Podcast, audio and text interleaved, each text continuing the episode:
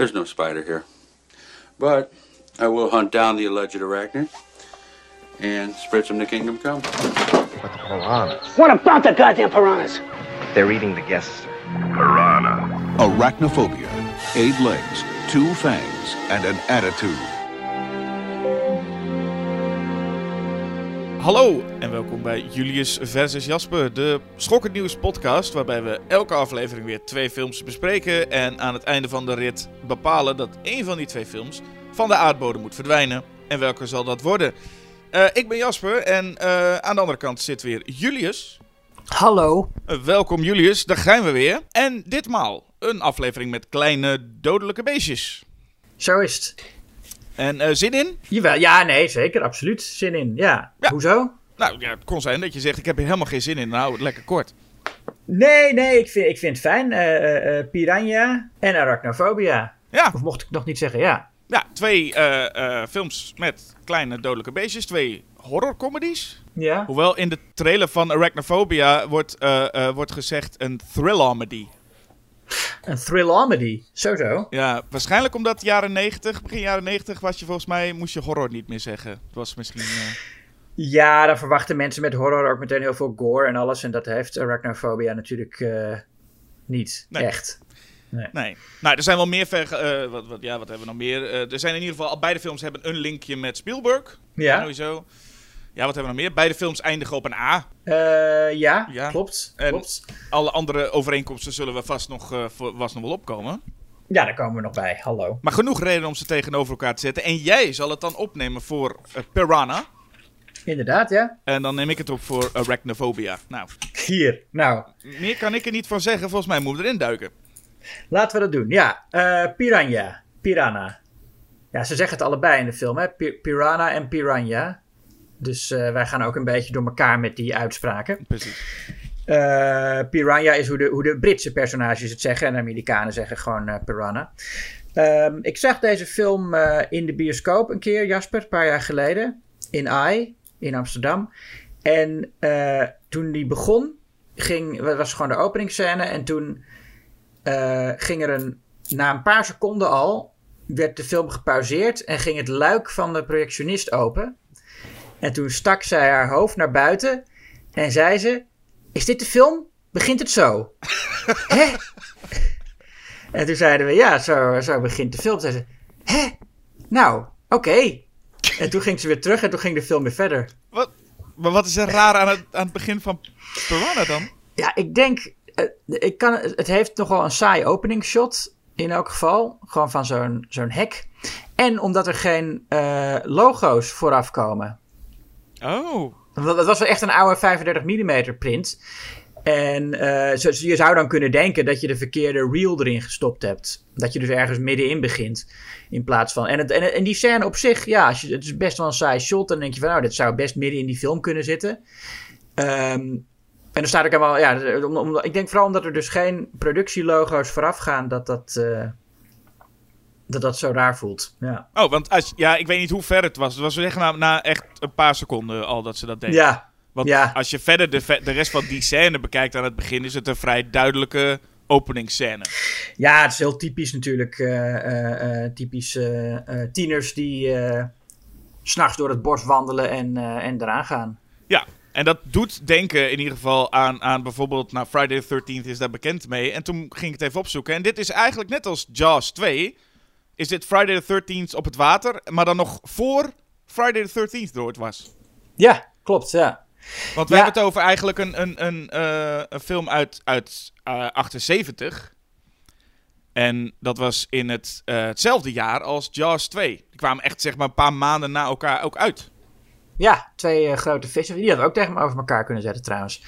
Eh, maar dat doen we niet. Maar Jaws, ja, Jaws is dan wel. Het wordt eigenlijk nooit, niet, niet vaak genoemd als een van de belangrijke slashers. En dat is ook wel logisch, want het is een vis. Maar toch. Is dat, is- misschien is Jaws ook wel gewoon een van de proto-slashers. Ja, en in ieder geval Jaws 2 heeft heel erg dat gevoel ook. Dat is dan natuurlijk ook eind jaren 70. Waarbij dat gevoel heel sterk krijgt. Eh, al die Ja. tieners in korte broekjes eh, eh, op zo'n vlot. En deze film heeft dat dus ook in dat begin, in die openingsscène. Maar deze openingsscène is natuurlijk eh, ook gewoon Jaws. Want eigenlijk de hele film is een soort Jaws. Ja, dat heeft, eh, bij Universal hebben ze nog geprobeerd daarom de film eh, te, te verbieden. Even te zorgen dat hij niet, niet, niet uit kon komen. Ook omdat ze dus, omdat zij in hetzelfde jaar al Jaws 2 hadden, zeiden ze van nou, we moeten niet die piranha er ook nog bij hebben. Want eh piranha's die kunnen een haai eh, verslinden. Maar ehm, dat is niet gelukt. En dat heeft er ook mee te maken dat Spielberg zelf eh, wel positief was over Piranha. Hij heeft er iets aardigs over gezegd. En toen heeft Universal blijkbaar ook gedacht van nou, oké. Maar ik vind het ook raar, want het is, het, ja, oké, het is duidelijk een rip-off. Het is duidelijk eh, eh, geïnspireerd door de Jaws-formule. Maar het is ook weer niet zo dat je echt van plagiaat kunt spreken, legaal gezien. Ik vind het ook wel geestig dat de eh, eh, producent Roger Corman noemde het zijn hommage aan Jaws. En als Roger Corman het woord hommage gebruikt, dan denk ik al snel, ja ja, Ja. dat zal wel. Ja, maar er zijn toch wel ergere rip-offs te bedenken, toch? Het is niet dat alsof dit... nee, alsof, alsof je hier nou eh, iemand om, om, om kunt voor de rechter slepen, dacht ik. En wat we, wat we ook al eerder wel eens in andere podcasts zeiden, waarschijnlijk ook rondom eh, de Jaws 3 en 4 die we ooit bespraken, is dat elke film waar ook maar niet alleen een haai in zat, maar een waterbeest, was gewoon iets dat, ja, dan moest je naar Jaws kijken. Ja. Die deed het gewoon, wat dat betreft, er waren daarvoor Jaws natuurlijk ook wel haaienfilms, maar Jaws deed het zodanig goed, eh, zowel financieel als, maar ook gewoon hoe goed die film is, dat ik denk dat, ja, ze, ze ontkwamen er niet aan. Als je een waterfilm maakt, horrorfilm, dan werd het een soort Jaws. En ik Ja. denk ook wel dat het goed is dat een Joe Dante, die de, de film geregisseerd heeft... en wat later ook goede vrienden met eh, Spielberg werd... en hebben ook samengewerkt. Ja, dat- Gremlins. Joe Dante heeft ook niet verbergd. En hij maakt er ook echt wel een andere soort film van. Ja, hij heeft, hij heeft natuurlijk meer humor. Die, die, die typische Joe Dante humor die later eh, natuurlijk in The Howling en in Gremlins en, en nog meer eh, eh, naar voren kwam. Ehm, ja, hij geeft er echt die, die ironische knipoog bij. Kijk, want de film begint... Ja, je hebt natuurlijk die openingsscène. En daarna krijgen we onze hoofdpersonages leren we kennen. En we zien ons hoofdpersonage Maggie al meteen een videospel spelen dat Jaws heet. Ja, daar ga je. Is dat in dat spel trouwens, hè? Ben je daar de haai of de zwemmer? Nou, daar heb ik niet goed op gelet wie ze, Ja. hoe dat spel precies in elkaar zit. Het is voor mij of, of je bent een duiker die moet vluchten voor de haai, of je bent de haai die de duiker moet pakken. Ja, dat vluchten voor de haai klinkt saaier dan als je de haai bent. Ja, Maar goed, eh, Nou. ik, ik ben niet. Ik, ben, ik weet wel dat ik het een hele leuke introductie vind. Wat meteen mijn eh, eh, ding bij Piranha is en waar deze film zich, wat mij betreft, ook onderscheidt van heel veel andere slashers, is dat eh, deze film zulke leuke hoofdpersonages heeft. En met name het hoofdpersonage Maggie, eh, Ja. die we dan leren kennen, is ontzettend. da- daarmee ja, had de film mij meteen. Met een soort van. Zij is een, een, een vrouw die ja, van een opsporingsbureau en moet achter die tieners die we in de openingsscène zaten, eh, moeten achteraan. Maar we zien meteen dat ze ook vergeetachtig is. We zien haar dus een computerspel spelen. Het is meteen een leuk figuur. Ja, Heather Menzies eh, speelt er ook leuk. Met ja, wat, wat meer pit ook dan de gemiddelde eh, eh, Scream Queen of, of Final Girl, of hoe je er in dit geval ook maar wil noemen. Ehm, en ook vindingrijker, waar we later ook nog achter gaan komen als ze uit die gevangenis moeten ontsnappen. Ja, ze is lekker, Eh, ze is lekker brutaal. Ze is heel nieuwsgierig. Ja, en ook zo'n leuk moment dat ze op een gegeven moment rijdt ze met zo'n jeep die, die berg in. En dan zie je haar helemaal door elkaar geschud worden dat ze daar in die jeep zit. Eh, Ja. maar het is inderdaad een heel leuk figuur. En het is zo dat, ik, je, je kan zeggen, vrouwenrollen waren in die tijd sowieso in dit soort films niet zo goed. Maar misschien überhaupt rollen waren niet zo goed. Als je een gemiddelde slasher neemt, dan kun je de meestal die personages niet echt meer eh, herinneren. Soms, is, soms Ja. zit er één of twee tussen. ja, klopt. Nou moet ik wel zeggen, eh, Paul Grogan, eh, eh, eh, Bradford Dillman. Het is op zich een, een aardig bedacht personage, maar ik vind hem behoorlijk saai gespeeld. En geschreven ook wel. Het is voor mij echt de combinatie van de twee die ik, dat ik dat dan heel leuk vind. Want hij is een soort van alcoholist. Of een soort van. Hij, de, de, Ja, maar dat, daar zie je ook niet zoveel van. Eh, Er wordt, er wordt gezegd dat hij veel zuipt, maar het is niet, je ziet hem niet eh, dronken rondwaggelen of zo. Nou, Hij is gewoon een beetje chagrijnig. je ziet hem niet dronken rondwaggelen, maar je ziet hem wel non-stop. Overal waar hij naartoe gaat, heeft hij overal flessen bij zich. En de eerste, de openingsscène waarin we hem leren kennen, heeft hij meteen al een bestelling gedaan met heel veel krijgt hij heel veel drank geleverd. En overal waar hij komt, dan zie je ook als hij dan met Maggie op pad gaat. Overal heeft hij weer een, een nieuwe fles ineens in zijn hand die hij achterover slaat. Ja. Ehm, maar het is inderdaad zo dat zijn personage vooral eh, ja, wat, wat een beetje grumpy is. En daar komt zij dan tegenover, wat hen een heel leuk duo maakt. Ja, als, als duo zijn ze op zich wel aardig, ja. Ja. Je hebt, daar wel, je hebt dat klassieke grapje als ze elkaar voor het eerst ontmoeten. Want zij komt bij hem thuis omdat ze dus op zoek is naar die twee eh, vermiste tieners. En hij heeft helemaal geen zin om haar te helpen daarbij. Eh, want ze zijn in zijn buurt, zijn ze dan vermist geraakt. En dan zegt ze op een gegeven moment, dan zegt hij van ja, het- ik weet wel dit en dat en daar en daar is wel een plek waar ze zouden kunnen eh, naartoe gegaan zijn. En dan zegt zij van, eh, oh kom, dan gaan we er naartoe. En dan zegt hij, nou, ik ga je echt niet brengen. Echt niet. En dan in, de volgende, in het volgende shot zitten ze met z'n twee in die jeep. Mhm. En dat is natuurlijk dat, dat klassieke grapje, hè, dat in, in heel veel films eh, voorkwam van... nee, absoluut niet. En dan cut naar dat ze het dus wel aan het doen zijn. Mhm. Maar ik vond, ik vond hem hier niet echt werken, omdat het... eh, omdat hij helemaal niet resoluut genoeg is. Hij zegt gewoon, nee, dat ga ik niet doen. En in, de, in het volgende shot doen ze het. Maar die grap werkt eigenlijk alleen maar als ze echt heel erg benadrukken dat ze het niet gaan doen. Er gebeuren meer van dat soort momenten in deze film. Waarbij ik in ieder geval vind dat Joe Dante duidelijk laat zien goed gevoel wel te hebben voor timing en humor. Ja. Een, andere een ander voorbeeld wat ik eh, zou benoemen is op een gegeven moment zitten ze met z'n tweeën in de auto. En er zit de politie achter hen. Ja. En dan zegt zij ook van, oh, ja, weet je, we kunnen wel vluchten. Maar misschien geloven ze ons wel. En het eerstvolgende shot is dan, meteen daarna knippen we naar de politie die dan hen aankijkt en zegt, piranha's? Dus ook Ja, een heel ja. fijne manier van, we halen heel veel informatie weg. ehm, en springen meteen door. Wat niet heel erg overkomt als, dit is heel duidelijk een grap. Maar gewoon een hele leuke, vlotte vertelling. Waarbij het Ja. ja. ook nog wel een, een glimlach waard is dan. Ja, dat is natuurlijk ook de reden dat, dat die, die grap van ik ga het niet doen en dan eh, knip naar wel, dat dat zo'n zo'n populair cliché is geworden. Heeft natuurlijk ook te maken met het feit dat je dan niet hoeft te laten zien hoe de persoon overtuigd wordt. Eh, het is gewoon, eh, ja, ze hebben hem overtuigd, blijkbaar. Want, het, want ja, zo, zo, zo werkt dat. Ik vraag me af of het in 1978 al zo'n cliché was als het later is geworden. Nou, vast niet, maar het- dat komt ook omdat de, het inderdaad nog steeds gedaan wordt. En nu dat je ook wel denkt, oké, er wordt ook niks toegevoegd aan de grap. Het is nog steeds, de grap is nog steeds hetzelfde in films van nu. Ja, nou, ik heb hem al een tijd niet meer gezien. Ja, misschien, ik weet ook niet hoe recent het is, maar ik- misschien dat ik hem zo vaak gezien heb. En ik heb niet het gevoel Ja. dat die grap ooit, dat men, want het is een ding wat speelt met verwachtingen. En nu voel je hem aankomen, maar je zou verwachten dat Ja. er nu al wel comedy-regisseurs zijn die denken, ik maak daar een leuke, eh, een leuke twist aan. Geef er een twist Nou, aan. ik, ik, heb hem, ik heb hem wel eens omgedraaid zien worden. Ik weet even geen voorbeeld. Maar ik heb wel eens gezien dat het inderdaad zo was dat iemand zei: Ik ga het echt niet doen. En dan in het volgende shot zag je het hem inderdaad niet doen. Nee. Want dat, dat is dan weer, omdat dat nu de verwachting is, wordt het weer op die manier omgedraaid. Ik ja. wou zeggen, want voordat het een grap was, is dat, was het, is, zou het geen leuke scène geweest zijn. Dat, kan, dat werkt pas als het, als het ook echt duidelijk is dat iedereen weet, ah, dan gaat hij het toch doen. ja. Maar het, het, het fijne van het duo is, los van dat die twee bij elkaar passen, en los van het feit dat ik dus Maggie ook fijn vind dat zij de, eh, ja, door haar brutale manier en vindingrijkheid gewoon echt ook zoiets heeft van, kom, jij gaat mee. En die Paul die loopt er ook altijd maar een beetje achteraan. Zeker als ze samen dan op pad gaan, dat je ook ziet dat zij lekker doorloopt en hij er maar een beetje achteraan schokt en af en toe een slok neemt. Maar wat vooral leuk is, Ja. is het feit dat zij eigenlijk verantwoordelijk zijn voor alles wat er in deze film gaat gebeuren. ja, want zij gaan inderdaad naar het laboratorium. En dan ja, laten zij al die, al die visjes vrij.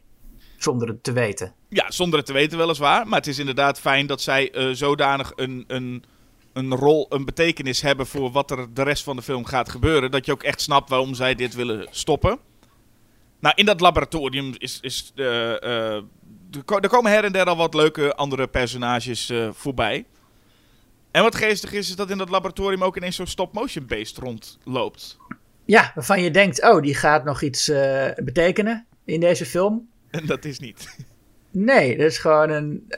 Ja, misschien wel een typisch Joe Dante-idee dan. Van ik wil gewoon hier een, een, een leuk, eh, lief monstertje hebben waggelen. Want ik vond hem best schattig, dat beest. Ja, ik heb alleen wel al ge- eh, gezien dat ze hadden gezegd van eigenlijk wilden we die steeds terug laten komen en dan steeds iets groter, alleen budget. Dus het, is, Oh, ja. eh, ze- hij, hij was wel opgezet onder. Maar het is niet dat ze zeiden van we hebben het budget niet, we knippen het eruit. Nee, we houden hem daar wel. Ehm, waarbij je je nog kan voorstellen, oké, misschien krijgen we allemaal een soort van hele extreem gemuteerde gekke beesten. Eh, maar als we ontdekken wat de piranha's eh, zijn, dan zijn het eigenlijk vrij normale piranha's. Nou ja, ehm, niet qua gedrag. Maar we, zien ze ook niet zoveel. Hè? Dat is eigenlijk ook wel iets geks. Je zou verwachten dat je aan het einde wel echt eh, goed close die piranha's te zien krijgt. Maar dat zie je eigenlijk nauwelijks. Eh, tijdens de aanvallen blijft Dante er heel, ja, he- he- heel snel knippen en, en, en korte close-ups van die tandjes eigenlijk. En soms zie je ze een beetje in silhouet. Maar ze zijn nooit echt eh, eh, duidelijk in beeld. Wat ook op zich, je weet hoe een piranha eruit ziet. Dus dat is, dat is op zich niet zo erg. Nou, het is wel zo, die, die piranha's, dat zijn... eh, ehm, echte piranha's zijn helemaal niet zo. Hè? Dat, is, dat, is, dat is eigenlijk is dat hele idee dat piranha's zo agressief zijn en zo, zoveel vlees eten... Dat Theodore Roosevelt heeft ooit in een boek geschreven dat hij dat gezien heeft in, op, een, op een expeditie door de jungle dat mensen een koe in het water duwden en dat die binnen een minuut helemaal tot op het bot kaal gevreten was door die piranha's. Maar hij is nog altijd de enige die dat ooit heeft eh, beweerd, dat, dat, dat hij dat gezien heeft. En in het echt zijn er in, in Brazilië zijn er heel veel, heel veel wateren waar mensen gewoon in zwemmen waar ook piranha's zitten. En dat is niet echt, eh, die piranha's die blijven uit de buurt. Nee, ik was ook al stel, eh, ik, ik dacht ook al sterk van dit zal wel iets zijn wat door deze film denken wij te weten wat piranha's doen. Of zijn. maar dat, eh, nee, dat valt in het echt heel erg tegen. Ze bijten je wel eens, maar dat, ze gaan je niet helemaal opvreten. Ze- je- maar je, mensen hebben wel eens een beet in hun voet of hun hand of zo. ja, nu heb, maar ik, het heb wordt ik wel net zelden fataal. Nu heb ik wel net filmpjes gezien. Ik dacht, ik ga het ook gewoon even opzoeken. Dus ik had net wel ook Mhm. filmpjes gekeken van piranha's die gevoederd worden. En als je dan ziet hoe, bijvoorbeeld, dan heb je van die aquarium en dan wordt dan een, een, een beest ingegooid of een andere vis. Ja, dan is het toch wel zo dat die beesten wel zodanig met zo'n hele club heel snel allemaal hapjes gaan nemen van zo'n beest. Ja, dat doen ze wel, ja. Dus er is, het is niet. Ik dacht misschien is het wel helemaal niet waar dat piranha's dit doen. Misschien wel hele trage beesten die af en toe een keertje één keer hap doen. Maar er zit toch nog wel een beetje een kern van waarheid in wat deze, hoe die beesten in ieder geval schijnbaar doen. Dat ze met z'n allen ergens op afkomen zwemmen en dan aan je beginnen te, te, te knabbelen.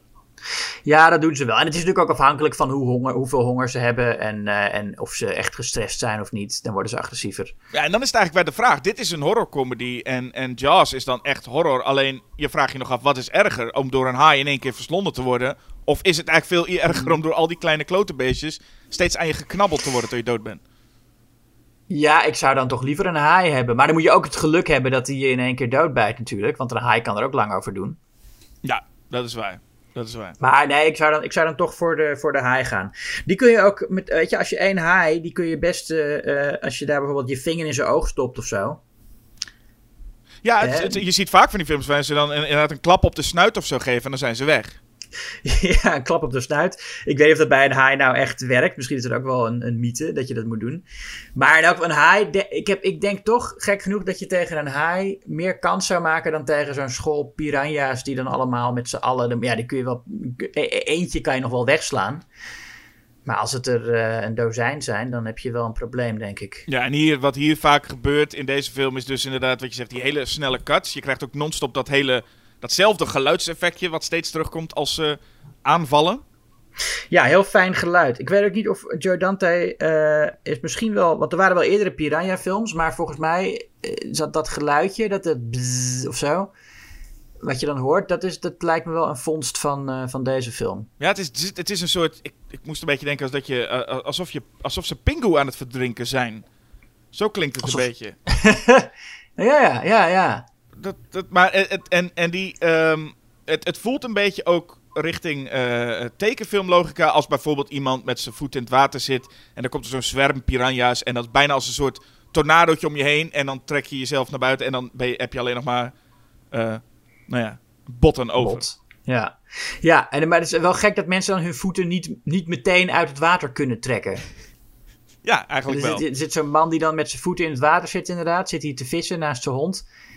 En dan, of zit hij te vissen? Nou, hij zit iets te doen daar. En dan komen die piranha's en die knagen inderdaad zijn voeten. Maar hij kan dan niet die voeten gewoon uit het water trekken. Want die piranha's die houden hem op de een of andere manier eh, tegen. Ja, terwijl je verwacht dat als iemand ook maar één keer een prikje voelt, je meteen je voeten uit het water trekt. Ja. Uh, en pas in het vervolg hebben ze dat opgelost door de piranha's te laten vliegen. Hè? De film van, van James Cameron. Ja, de spawning. Ja, dan heb je in ieder geval iets nog gevaarlijker. Want dan kan zo'n beest ook. Dan kunnen die beesten ook. Uh, hoewel hier ook een, volgens mij een piranha vliegt. Ja, eentje springt uit het water. En springt zo richting iemands gezicht. Ja, ja dat, maar dat is ook wel een lul waar hij naartoe springt. Dat weet die piranha. Dus die weet dan, voor deze, voor deze man moet ik een uitzondering maken. Ja, de, de, de animatie, of de, de, de, de creature design, ook, ook best wel bekende mensen. Phil Tippett uh, uh, was, was betrokken bij, uh, bij het design van, van de piranha's. En de make-up effecten werden gedaan door Rob Bottin. Ja, kijk. Dat zijn, geen, dat zijn niet de minste. En dan zou je nog kunnen zeggen dat inderdaad de aanvallen, de actie... Ja, dat wordt wel een beetje uh, nogal gewoon een, een, een herhaling. Uh, ze gebruiken het Jaws-effect, om het maar zo te noemen, de point of view van onder het water. En je ziet die voetjes spartelen. Maar als ze aanvallen, dan gaan ze gewoon steeds naar die hele snelle cuts. En dan komt er ineens heel veel bloed bij. Ja, nee, maar ik vind het wel mooi hoor. Tandjes en waterrood en af en toe zie je een lichaamsdeel. Het doet ook een beetje denken aan, aan de douche-scène in Psycho. Van het gaat allemaal zo snel dat je niet precies kunt zien wat er gebeurt. En je, je, je ziet eigenlijk nooit, zoals je in Psycho nooit het mes in het vlees ziet gaan, zie je in Piranha nooit die tandjes echt uh, iets, iets, iets stuk bijten. Maar je hebt wel dat gevoel dat je het allemaal ziet. Ja, het is alleen tegen het, tegen het einde werd het voor mij iets te veel herhaling. Dat ik dacht, ik, hier had nog wel een, een iets andere scène uh, iets, iets anders kunnen plaatsvinden. Maar het is altijd wel hetzelfde. Het leek bijna alsof ze gewoon één keer uh, die piranha's hadden opgenomen en dat beeld steeds hebben gebruikt. Want je ziet in principe ook niet wie er aangevallen wordt. Je ziet heel veel schudden en uh, een hele snelle cuts daarvan. Ja. Maar er, er, gaan wel verscheidene mensen... Je noemde het al, er zit een onder andere klootzak zitten tussen. Maar je hebt ook kleine kinderen die in gevaar ja. komen. Ja, die flink gebeten worden ook. Ja, en een van die... Maar die zie je niet doodgaan. Nee, die zie je niet doodgaan. Je hebt, uh, de, de, je hebt namelijk zo'n zo'n zomerkamp. Hè, je kunt niet zonder. En Mhm. dat was al meteen leuk dat je zo'n zomerkamp hebt. En daar zit dan ook het dochtertje van Paul, ons hoofdpersoon, is daar aanwezig. Dus er is ook urgentie om bij dat zomerkamp te komen. En dan heb je die uh, leuke kampleidsters en dan één zo'n lul van een instructeur. Ja. Die dan meteen uh, uh, zo'n speech tegen dat meisje gaat doen, want die is bang om te gaan zwemmen. En dan stelt ja, je moet dapper zijn. Oh, is, is er nog post voor jou? Nee, je valt weer buiten de boot. Wat ongelofelijke klootzak is het. Ja, hij zegt, hij zegt tegen dat meisje, hij heeft een heel, een best wel een goede speech, uh, waarin hij het heeft over guts ook. Mhm. Mm -hmm. Dat is wat ze nodig heeft. Guts, roept hij dan. Het is ook wel vrij duidelijk een, een komische overdrijving. Ja, en wat ik vooral leuk vind aan dit, dit figuur is... Hij, je, op een gegeven moment hebben we ook, zien we ook zijn foto op, het, op een dartbord waar iedereen naartoe gooit. Dus iedereen weet het is een lul en dat vindt iedereen ook. Het mm -hmm. is ook leuk dat hij dan eens die foto ziet en dan gauw eraf haalt. Maar als ja. het uh, puntje bij paaltje komt, ik zou zeggen... Deze man uh, zou twee dingen mee kunnen gebeuren, zou ik verwachten. Eén, hij wordt gewoon helemaal opgefroten, want het is een, immers een, uh, een lul. Mhm. Het tweede is, hij uh, gaat uiteindelijk ook wel dood, maar hij uh, gaat tijdens als allemaal kinderen worden aangevallen, flikkert hij zo'n kind in het water en rent hij gauw weg. Dat hij zo'n egoïstische vent blijkt, weet je wel. Oh ja. En ja. het leuke vind ik, of het goede ook eigenlijk wel, is dat ze dat allemaal niet doen. Op het moment dat er aangevallen wordt, is hij toch degene die gewoon ze helpt. Wordt ook, hij wordt ook zelf wel aangevallen, maar gaat niet dood. Ik dacht, oh, dit is niet nee. wat ik zou verwachten bij hem.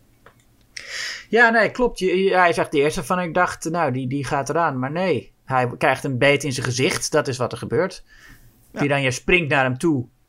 Um, ja, net zoals die, die, die, die, die dartjes op, dat, dat, dat, dat dartbord... waar ze inderdaad die pijltjes naar zijn naar foto gooien. Zo, dat is eigenlijk een foreshadowing, Jasper... van dat die piranha dan zo uh, in zijn gezicht gaat bijten. Ja, dat is wel, wel, wel, wel sterk, zeg. Nee, wat, en wat dus vooral goed is, dat heb ik ook met, we noemden net al die man, uh, Jack heet hij, de man die, die zijn, wie zijn voeten worden afgeknaagd. Hmm. Uh, wat ik fijn vind is dat, en dus zo'n egoïstische lul die heel makkelijk heel snel dood had kunnen gaan. En ook zo'n type als die Jack, zo'n beetje een oude man met een hond, die gaat dan dood. Dat zou in heel veel films gewoon maar een man zijn waarvan je denkt, zal wel. En toch hmm. heb ik het gevoel dat in dit, deze film dit sterker overkomt. Het zijn meer figuren. Je hebt ze niet heel veel gezien. Maar het is zelfs wel een beetje ontroerend als die man doodgaat. Ja, nee, klopt. Ja, nee, Joe Dante wil, geeft zijn personages toch altijd wel iets meer mee. Dat is in al zijn films zo. Dat, inderdaad, hij maakt wel de, de clichématige typetjes, maar hij geeft ze net dat, die, dat stukje menselijkheid. Ja, en dat is ook, ik, ik bedoel, dit, het is natuurlijk ook heel komisch om te zien als je die man ziet liggen met die twee skeletvoeten. Ehm, maar het heeft ook iets, hè, die man met zijn hond, en dat, dat je ook denkt, ah, het is allemaal best wel ook treurig. Eh, Paul kent die man ook, dat hebben we in een eerdere scène gezien, dat hij alcohol gekregen heeft. Dat ik gewoon voel bij al die personages, ook al de hoofdpersonages, maar ook de kleine bijfiguren die in, laten we zeggen, een gemiddelde Friday the 13th gewoon, nou ja, dan denk je wel, het, het, het, het moet even. Heb je bij deze, al deze figuren inderdaad wat je zegt? Joe Dante doet iets meer met hen. Ja, ja ook die eh, Dr. Menger, eh, gespeeld door Barbara Steele. Die in die tijd natuurlijk ook echt een, een, een cultactrice was. Vooral bekend uit, als, uit, eh, als, al- vooral bekend als eh, prinses Asa uit eh, Black Sunday van Mario Bava. Die speelt hier een. eh, oh, ja, ook iemand van, waarvan je verwacht dat ze doodgaat. Maar die uiteindelijk eh, het, het laatste shot van de. Niet het laatste shot, maar de, de laatste zin van de film krijgt. Hè, de, de, de, de beetje kwaadaardige eh, wetenschapper die eh, aan het einde iedereen probeert gerust te stellen van de piranha's zijn geen gevaar meer. Nee, vraag je het af of Joe Dante nou echt bewust daarmee speelde met iedereen die waarvan je denkt dat ze dood zullen gaan, gaan helemaal niet dood. Maar hij doet meer met zijn, met zijn personages. Hij doet ook wel iets meer met die, want ik zei net al dat het gewoon normale piranha's zijn. Zo zien ze er volgens mij wel uit. Maar ze zijn volgens mij wel slimmer, toch? Het is een beetje de Deep Blue Sea versie van piranha's. Ja, daar wordt inderdaad wordt af en toe wordt gezegd van eh nee, piranha's zijn veel te dom. Dr. Mengers zegt het ook een paar keer van nee, die piranha's die weten het nooit.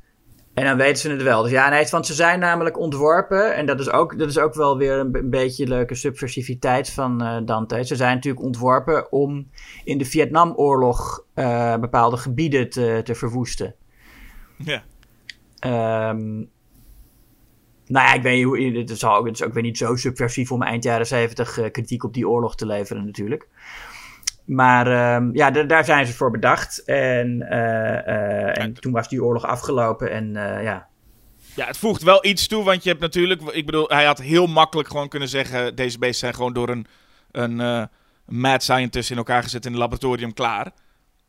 Dus het feit dat ze er nog dingen bij gooien als het hele leger weet ervan en zit erachter...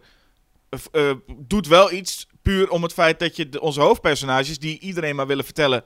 Er is iets aan de hand, worden steeds meegenomen. Eh, wat een heel leuk eh, element is. Maar nog even terugkomen op die slimme piranha's. Dat je ziet bijvoorbeeld dat ze heel slim zijn door... Als ze op een vlot zitten, gaan ze allemaal die touwen losknagen. Zo- Ja. Zodat dat vlot stuk voor stuk nou ja, kapot gaat. Zodat de, dat levert nog wel een spannende scène op.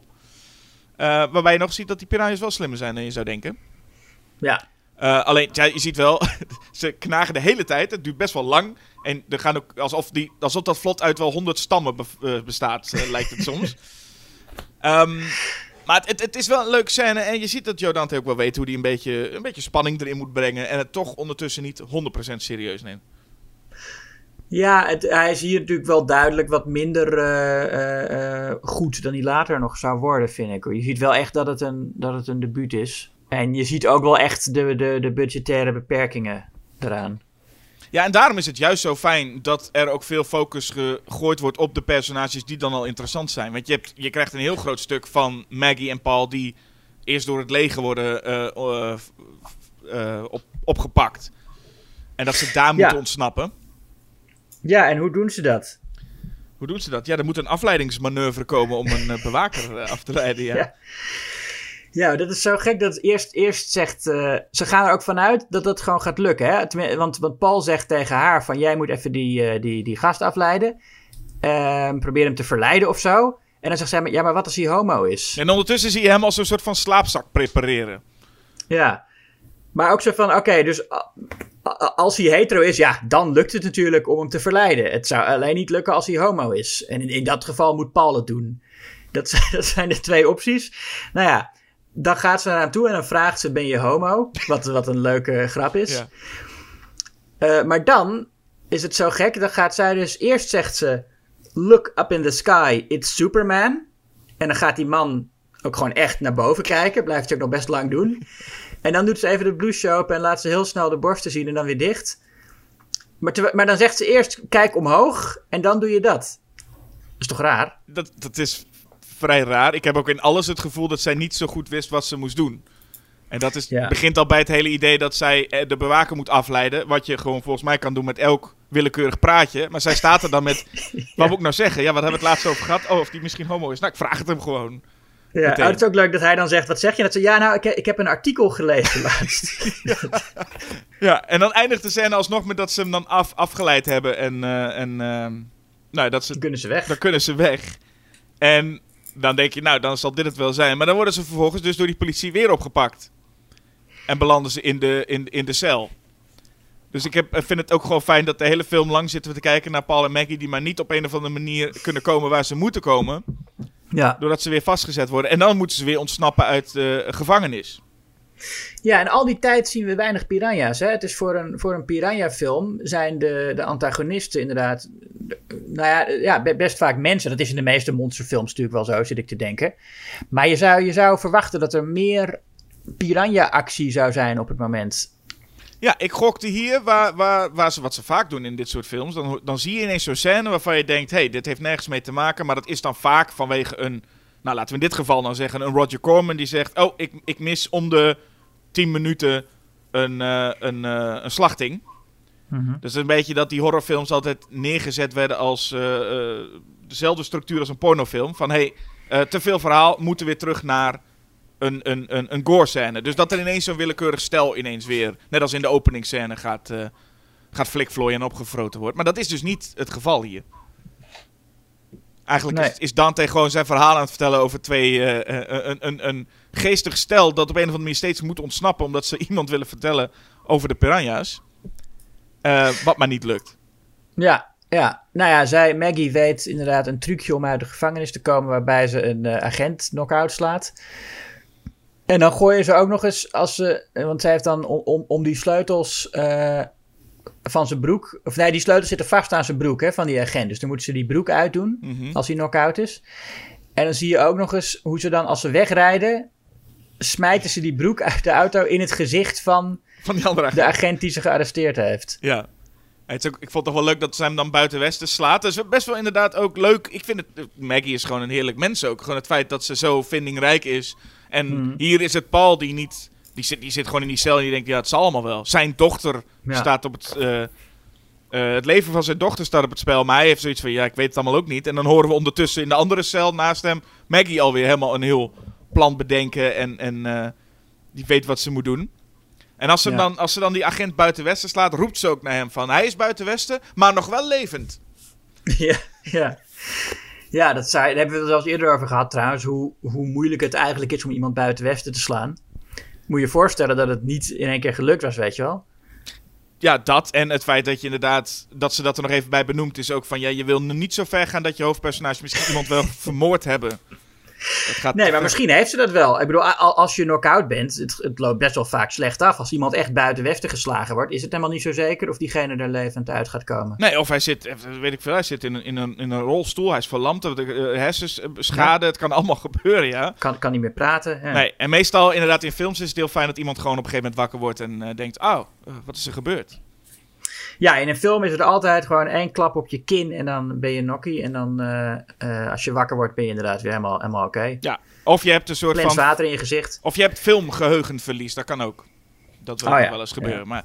ehm, nee, hier is het inderdaad, blijft het een beetje luchtig, eh, want er is meer te doen. En, en ja, dan komt er alsnog een leuk figuur. En dat is natuurlijk, als je inmiddels bekend bent met het werk van Joe Dante, duidelijk. Want dan zien we Dick Miller.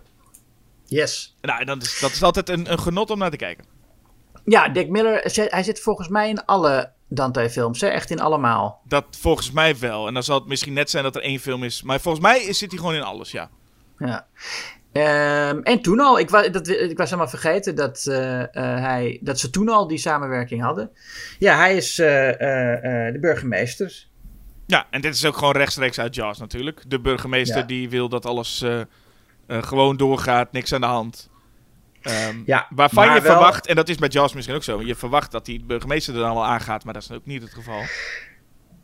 Ja, nou, verwacht je dat in Jaws? Kijk, die man gaat niet zwemmen. Jaws is daar niet de film voor om, om dat te laten gebeuren. Maar deze film was dat op zich wel geweest. Ja, je hebt er gewoon het idee dat bij zulke films is er altijd een figuur dat eigenlijk gewoon net iets te... Nou, in dit geval verwacht je het zowel van die eh, vervelende eh, kampleider als van Dick Miller, als van...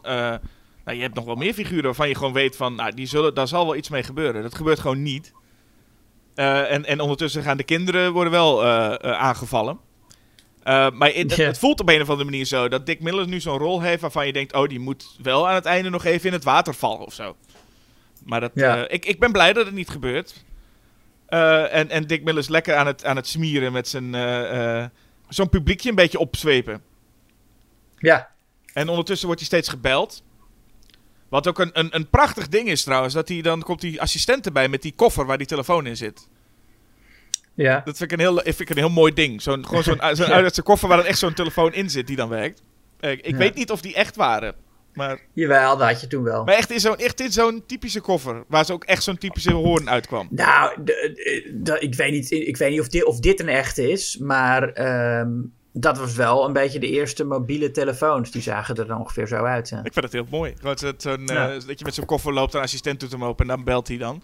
Maar goed, uit dat eh, stukje bellen komt natuurlijk een van de bekendste zinnen uit Piranha. En dat is eh, dat de assistent zegt van de sir over de piranha's. En dan zegt hij, what about the piranhas? En dan komt de zin, they're eating the guests, sir. Ja, Ja. het is, dat is een, een, een fantastische zin, logischerwijs ook steeds gebruikt in de trailers. Dan wordt er nog wat eh, gewaterskiet. Uiteraard. Uiteraard. Ja, je, uiteraard. Is dat zo uiteraard? In Jaws wordt niet gewaterskiet, hè? Jaws 3, volgens mij wel, sowieso. 2 denk ik ook. Ik, ik heb gewoon het idee dat het altijd toch... ik, ik heb Zit in, in Jaws 3 zijn ze. Dat is, dat is in SeaWorld. Daar kun je niet waterskiën. Nee, dat- volgens mij is er in Jaws 3 zitten sowieso. Waar zijn de mensen. nee, dat is zelfs zo'n heel. de- al die mensen die op elkaar staan. Zo'n heel. eh, hoe heet dat? Zo'n heel driehoek aan mensen. Ik weet niet hoe je dat noemt. Oh, Acrobaten ja. dinges. Ja, ja, ja, klopt. Ja. Maar gewoon het beeld van. Je gaat zit achter zo'n boot aan en er zit zo'n haai achter je aan. Dat is. Ik heb, ik heb een of andere manier het idee dat er altijd wel iemand moet water skiën. Ja, nou, in dit geval is dat met piranha's. Ja, ik vind dat toch het is heel een mooi, een mooi idee natuurlijk. Want je bent, je, je bent aan het sporten en je gaat heel snel. En je zit, je zit nog op het water. Maar het is zo kwetsbaar. Want zodra je omvalt is het gedaan met je. Ja, en dat is ook fijn. Aan dit, dit, eh, de, de twee dames in de boot hebben, het, eh, hebben niks door. En die willen eigenlijk ook gewoon... Eigenlijk dat die jongen die aan het waterskiën is, valt. En die Ja. jongen heeft dan vervolgens door wat er aan, aan de hand is. En dat is dan wel fijn. Die jongen wil eigenlijk naar de kant. Maar hij wil niet dat ze stoppen. Dus ze moeten juist harder. En ondertussen zijn zij bezig met hem proberen het water in te, te Ja. laten donderen. Ja, dat is te gek. Dat is wel echt de, de spannendste scène. En ook wel een van de beste actiescènes. Ja, klopt. Ehm, behalve dan dat, want op een gegeven moment dan gaat dat speedbootje waar die, waar die meisjes in zitten, gaat over een andere boot heen. En die boot ontploft dan. Ja, die explosie die begint al voordat ze eroverheen gaan. Ja, klopt. Ja. Dat is dan net even slecht getimed. En ja, daar zie je ook van, oké, daar hebben ze, daar hadden ze, hadden ze één, één keer konden ze die stunt doen. En het ging niet helemaal goed. En ze hebben gewoon gehoopt dat dat eh, niet zou opvallen. Sowieso zit in de actie. Je hebt ook dat eh, Maggie en Paul zitten in de auto, zijn ze aan het racen. En dat heeft ook heel erg dat Dukes of Hazzard stijltje met dat ze het versnellen. En door Ja. over die weg heen eh, donderen. Het is niet, niet mega sterk. Wat trouwens wel de hele film een, een wat meer classy sfeer geeft, is de muziek van Pino Donaggio. Ja, zeker. Die vooral, vooral bekend is vanwege al zijn Brian De Palma films. Toen begon ik ook een beetje te, te voelen, omdat het een beetje een Friday the 13th-achtige film eh, het, het gevoel heeft. Maar toen begon ik ineens te denken, oh, dit is wat... eh, dit is eigenlijk wat de muziek van Harry Manfredini deed. En dit is wat, eh, wat deze... deze het is veel, veel meer een, een Carrie-muziek dan Friday the 13th. Ja, En dat- nou, dat, en dat heeft Pino ook gedaan natuurlijk. Ja. Ja, ja ik vind dit niet zijn beste muziek. Ik vind dat, dat stuk dat als, als Paul gaat duiken, wat ook wel een spannende scène is. Dan zijn het een, ja, een beetje standaard spannende tonen of zo. Maar er zijn momenten dat het inderdaad een beetje de melancholie van Carrie er ook in doorklinkt. Ja, en het maakt deze film op een of andere manier een beetje meer, meer clashy dan die eigenlijk zo misschien zou moeten zijn, de muziek. Ja, ja, dat, ja dat, dat, dat kan muziek echt gewoon doen. Daarom zijn ook dus bij, bij al die Italiaanse eh ranzige eh, exploitatiefilms... die hebben ook heel vaak een soundtrack waarvan je denkt... oh, dit is een serieuze film zeg. Wat een prachtige soundtrack. En dan weet je, het begin van Cannibal Holocaust, dat is ook prachtige muziek. En dan denk je nou, ja, precies. Even kijken. Ja, de aanval. Of in ieder geval, er is één wat grotere aanval. Dus met al die kinderen. Dat, eh, ehm, is dat eigenlijk de climax? Ehm, ja, misschien.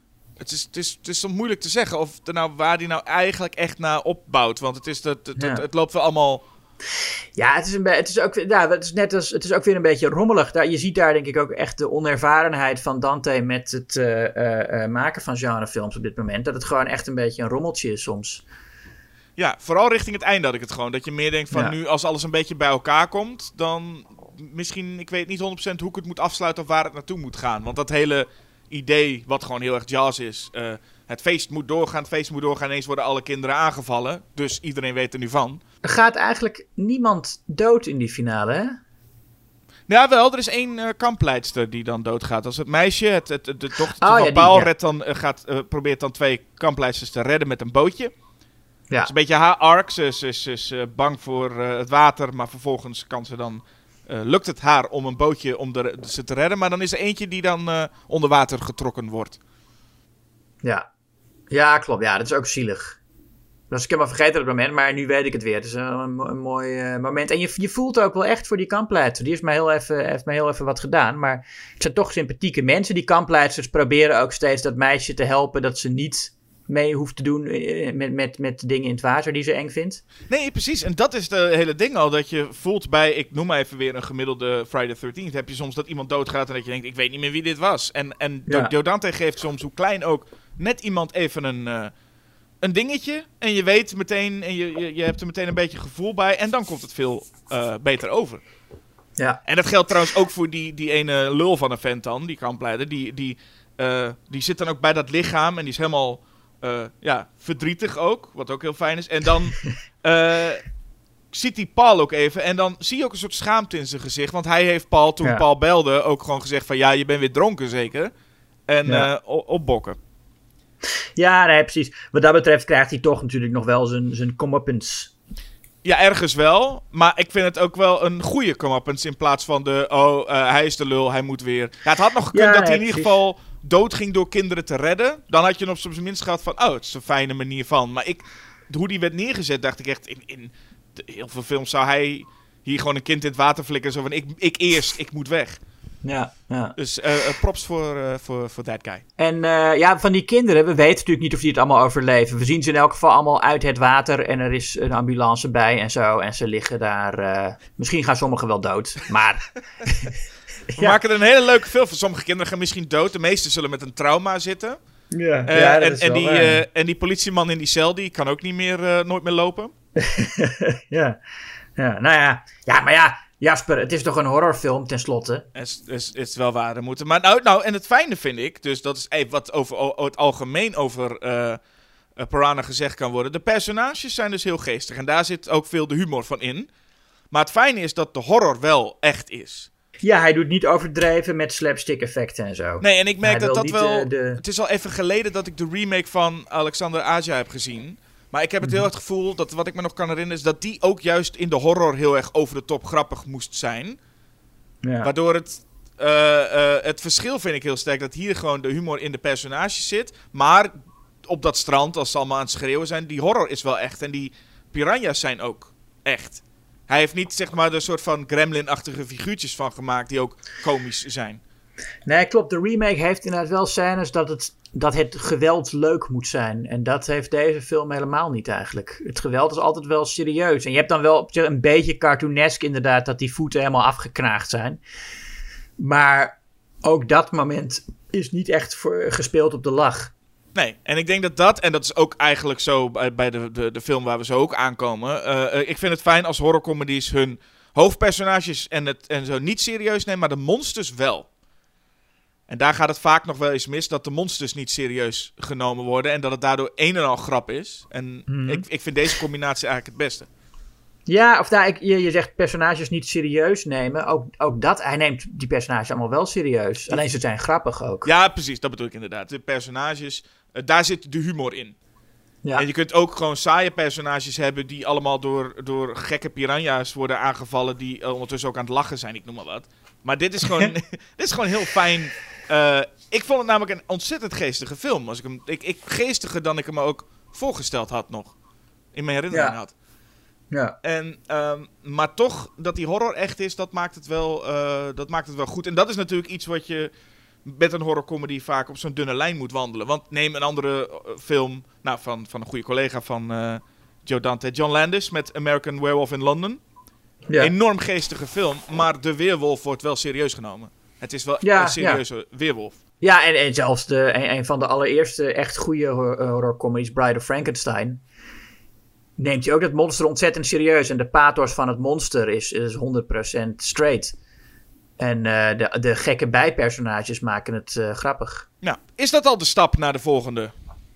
Ja, dat, dat lijkt me wel, zeg. Ja, want dat Ja. is een, een film waarin ook de monsters serieus genomen worden, maar de hoofdpersonages, v- va- veelal de comedy van de hoofdpersonages komt.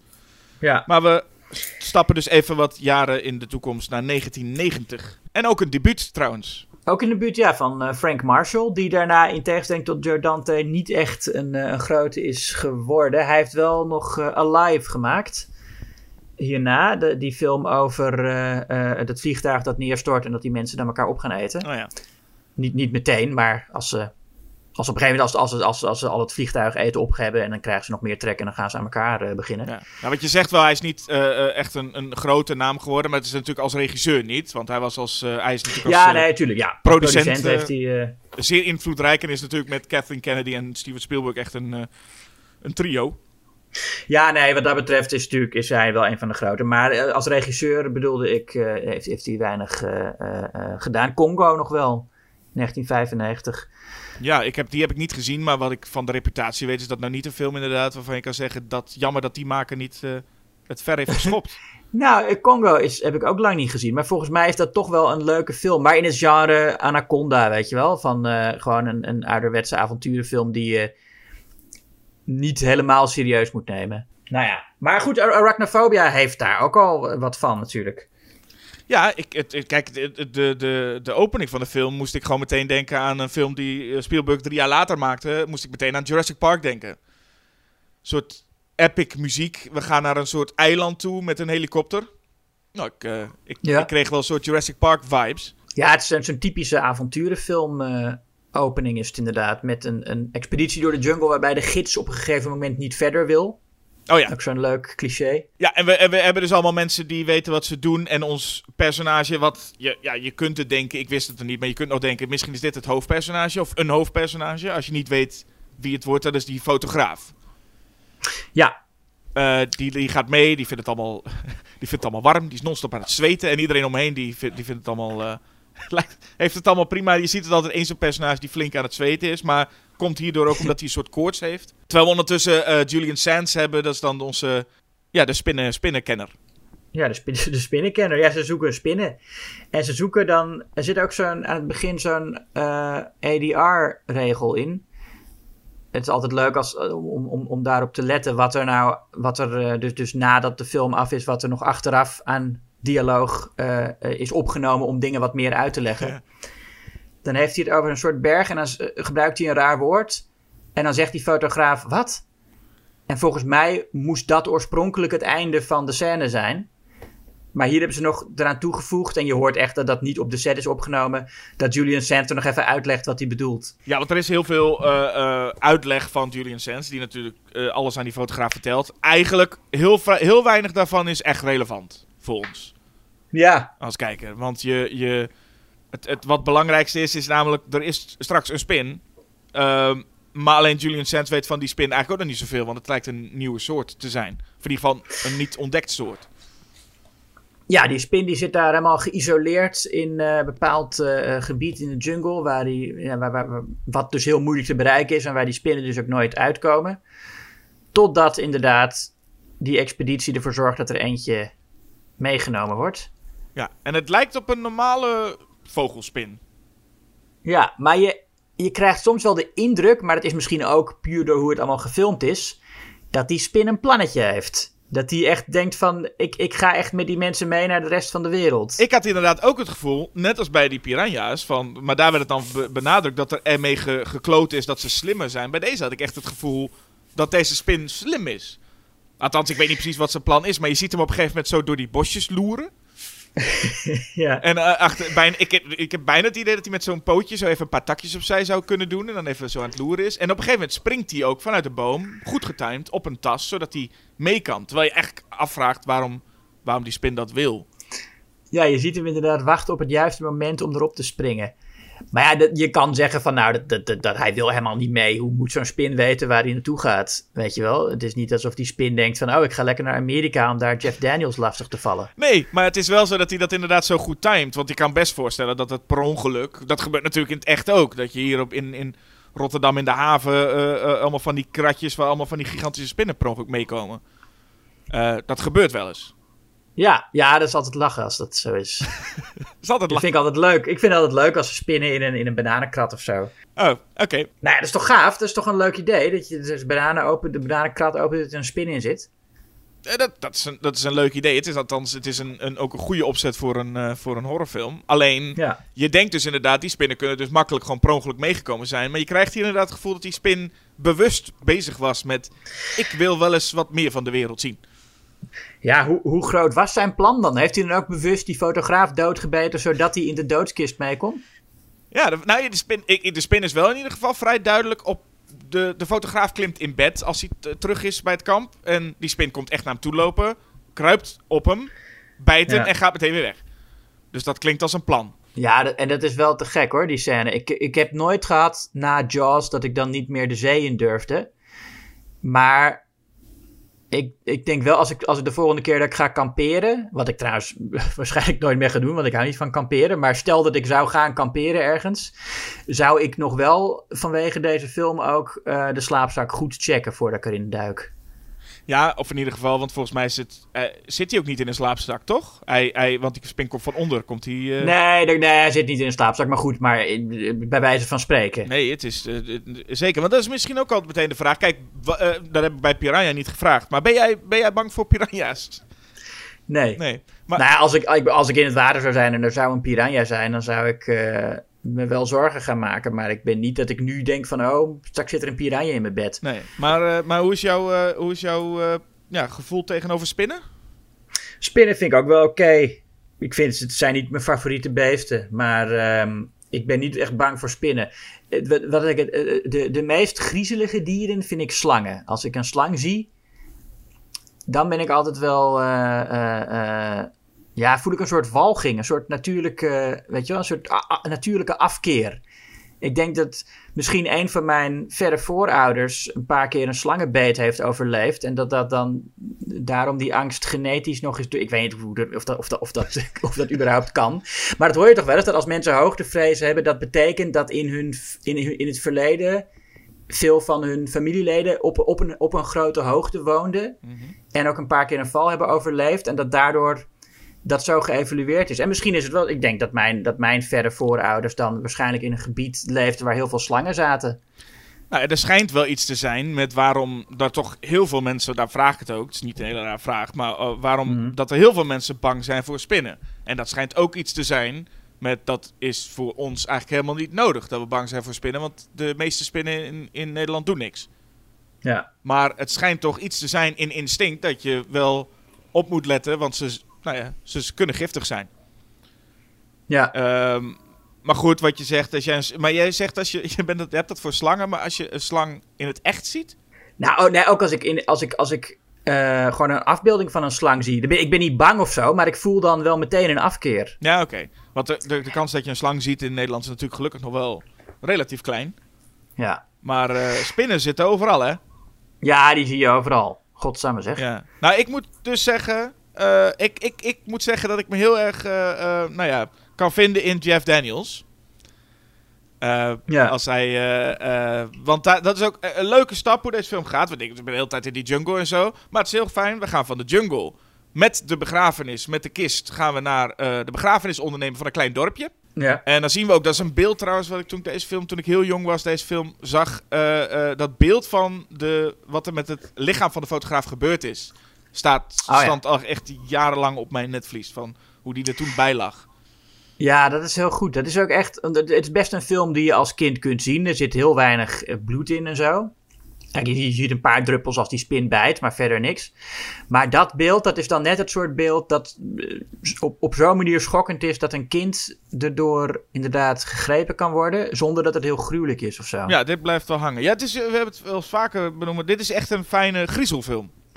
Ja, geen horrorfilm, maar een griezelfilm. Ja, ik vind het echt zo'n film waarbij je met, met, met de familie kan kijken, maar dat je inderdaad als kinderen toch wel even, nou ik denk als volwassenen ook wel, eh, eh, wel eh, af en toe even, eh, nou ja, er kan- er gebeurt wel wat met je. In ieder geval, dat merkte ik.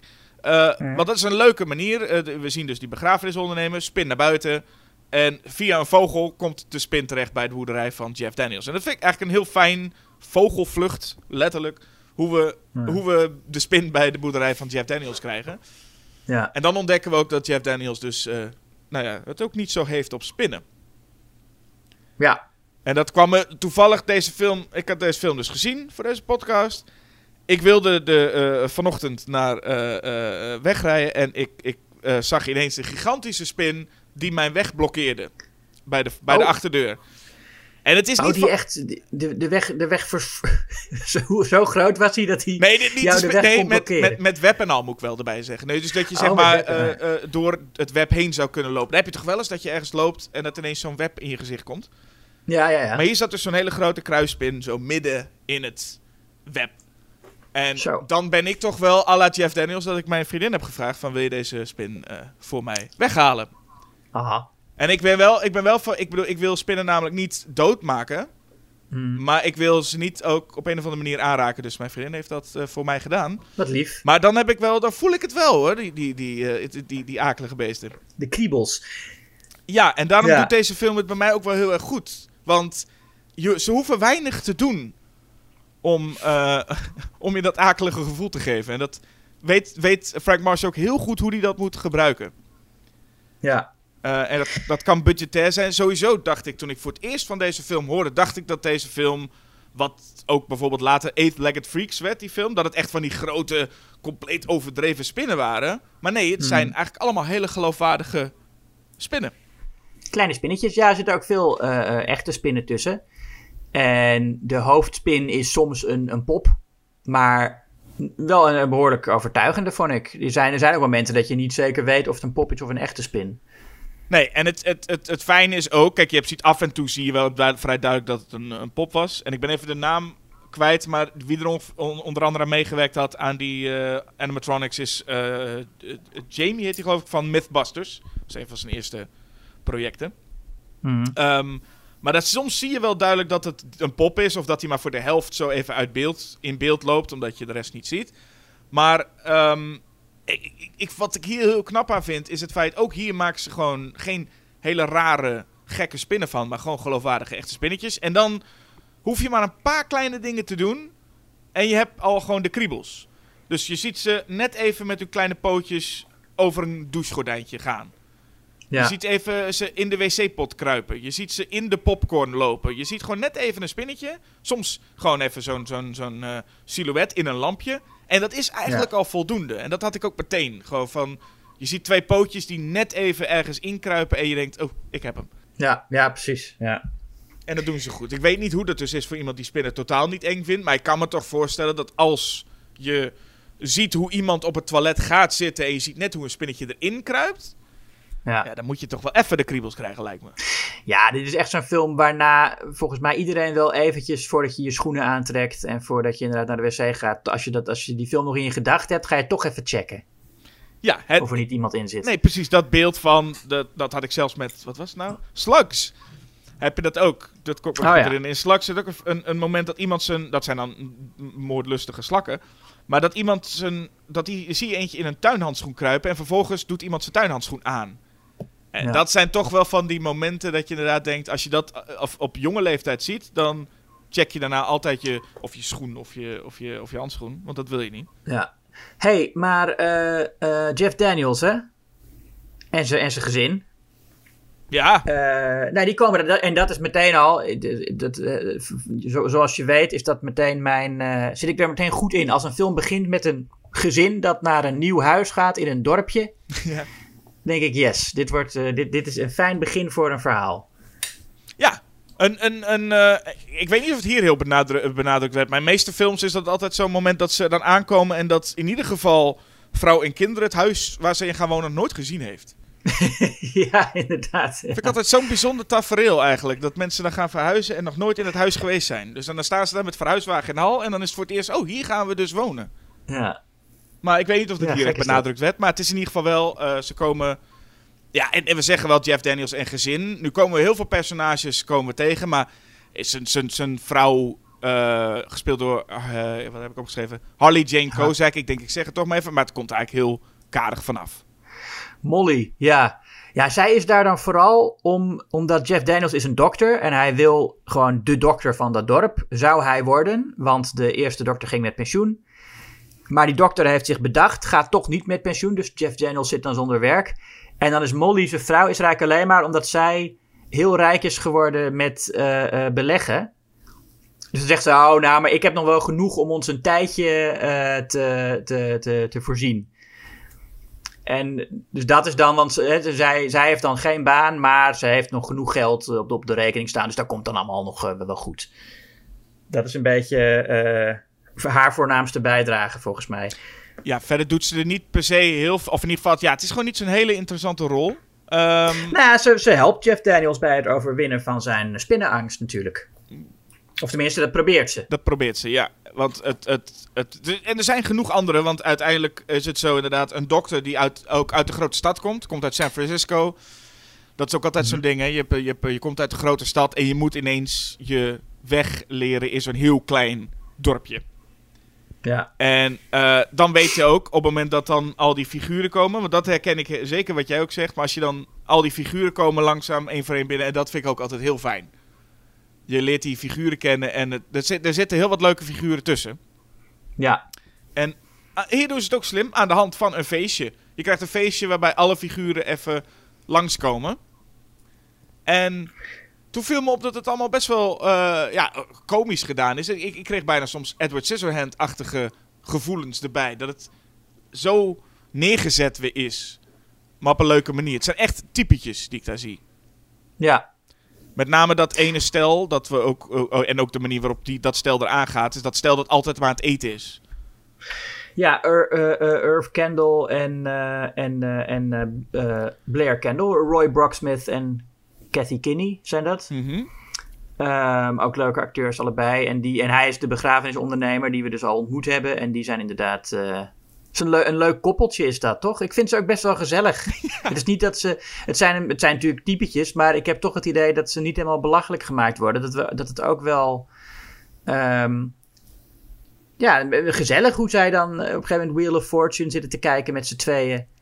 Oh ja, ja po- eh, cola po- popcorn popcorn erbij. erbij en eh gauw en telefoon, eh telefo telefoonstekker eruit. Ja, maar toen dacht ik, ik het, is, het is misschien, het is wel natuurlijk grappig bedoeld en, en, en hè, die, die, die schets, maar ik dacht ook, nou, ik zou dit best wel leuk vinden. Het heeft iets, Nou ja, het heeft iets aandoenlijks. Wat ik wel merkte, kijk, het is natuurlijk zo'n stel. Het zijn een beetje de twee wat zwaarlijvige figuren die non-stop aan het eten zijn. Dat heeft wat, wat dat, dat is gewoon wat, wat cartoonesk, zeg maar. Wat, eh, ja, tuurlijk, tuurlijk. eh, tuurlijk. wat ik wel trouwens heb, want we hebben hem inderdaad gezien, hij is de lijkschouwer. Dan moet ik zeggen dat volgens mij is het nou echt zo dat in, films komt een lijkschouwer sowieso altijd binnen met een boterham, toch? Ja, dat is om te laten zien van hun kan het allemaal niks meer schelen. Zij hebben alles gezien, zij zitten gewoon rustig te eten. dat is een standaard ding. Dat is gewoon ja. op een of andere manier standaard. Dat is niet alleen maar bij hem dat het past, maar het is volgens mij lijkschouwers algemeen in films. Komen altijd binnen met zo'n boterham. En volgens mij is die hier ook zo. Oh, wil je even helpen? En dan leggen ze hem gewoon neer op, op zo'n tafel. Ja. Zonder iets eronder of zo. Dus dat is ook echt om te laten zien, het maakt me allemaal geen hol uit. Ze leggen nog net niet het, het, een, een boterham vaak half op het lichaam. ja, precies. Ja, nee, maar goed, dat is eh, ehm, eh, fijn ook aan het feit dat je zegt dan van, hij is, het zijn best wel leuke figuren. Er zitten natuurlijk echt lekkere, nou ja, typetjes tussen die met grote lijnen zijn geschetst. Bijvoorbeeld die, die, die sheriff, of ja, het is niet eens een sheriff, het is zo'n politieman, eh gespeeld door eh, Stuart Pankin. Ja, die heeft zo'n- dat is echt een lul. Die heeft zo'n heerlijke rotkop ook. Ja. Dat is fantastisch. Eh, het enige wat bij hem een beetje opvalt is dat hij ook, een beetje zoals bij Joe Dante, hij is eigenlijk ook, wordt echt wel neergezet met hij moet wel ergens voor gestraft worden. Hij wordt wel gedood door spinnen, maar dat gebeurt dus ook niet. Nee. En schijnbaar is dat eruit geknipt, dus ook dat gevoel zat wel goed. Dat hadden ze eigenlijk wel bedacht, maar Oh. Ah. is, is, is niet meer gebeurd. Maar ik vind dat soort types zijn ja, leuk gecast, eh, kleurrijk en ehm, ja, het is mooi om te zien. Ook die hele oude dokter die dan zich eh, eh, bedenkt om met pensioen te gaan. Ja, Dr. Metcalf, gespeeld door Henry Jones. Die wordt wel gestraft voor zijn zonden. En er zijn natuurlijk ook mensen die. die want dat is eigenlijk een interessant ding. Je hebt natuurlijk spinnen, dat is al één interessant ding. Maar het, ik vind het toch zo fijn dat Jeff Daniels een belangrijke rol daarin krijgt. Want Jeff Daniels denkt. is al vrij snel overtuigd. Hè? Ook een beetje het Jaws-effect. Jeff Daniels is overtuigd, er is wat aan de hand. De rest doet nog een beetje. eh, ja. laconiek erover. Ja, want hij heeft dan hij heeft één eh, soort vriendin in het dorp. Eén iemand die, eh, die hem. die, die wat vriendelijker is naar buitenstaanders. Want het is best wel een dorpje waar mensen best wel een beetje wantrouwig zijn richting buitenstaanders. Behalve dan één vrouw, Mary Carver, gespeeld door Margaret Hollins. Volgens mij is het andersom, toch? Of niet? Haar personage heet Margaret, toch? Oh ja, nee, sorry. Ze- ja, nee, ik zei het verkeerd. Ja. Ja. Ze heet Margaret en ze wordt gespeeld door Mary Carver. Ja, ik dacht dat het een hele bekende actrice was op een of andere manier, maar dat valt eigenlijk wel mee. Dat, dus ik, Ik, ik, ja, ik, had, ik heb wel de indruk dat ik haar gezicht van van alles ken, maar ik zou, nee. ik zou zo gauw. En ik heb, ook, ik heb haar ook noemen. opgezocht en ik dacht van, nou, waar, waar zit die allemaal wel niet in? Maar dat was eigenlijk helemaal, helemaal, helemaal niet zoveel. Dus ze lijkt waarschijnlijk op iemand die Ja, heel bekend is. nou, hoe dan ook. Zij is dan. ehm, eh, eh, ja, ze heeft heel veel tv gedaan. Maar goed, zij is, zij is dan een beetje de, de, e- de enige aardige in het dorp voor hem. En die zegt van, nou, eh, hè, Dr. Metcalf, ehm, ga door, maar dan word, word ik wel jouw patiënt. En dan wordt zij inderdaad gebeten door een spin. En gaat ze dood. En dan wil Jeff Daniels een.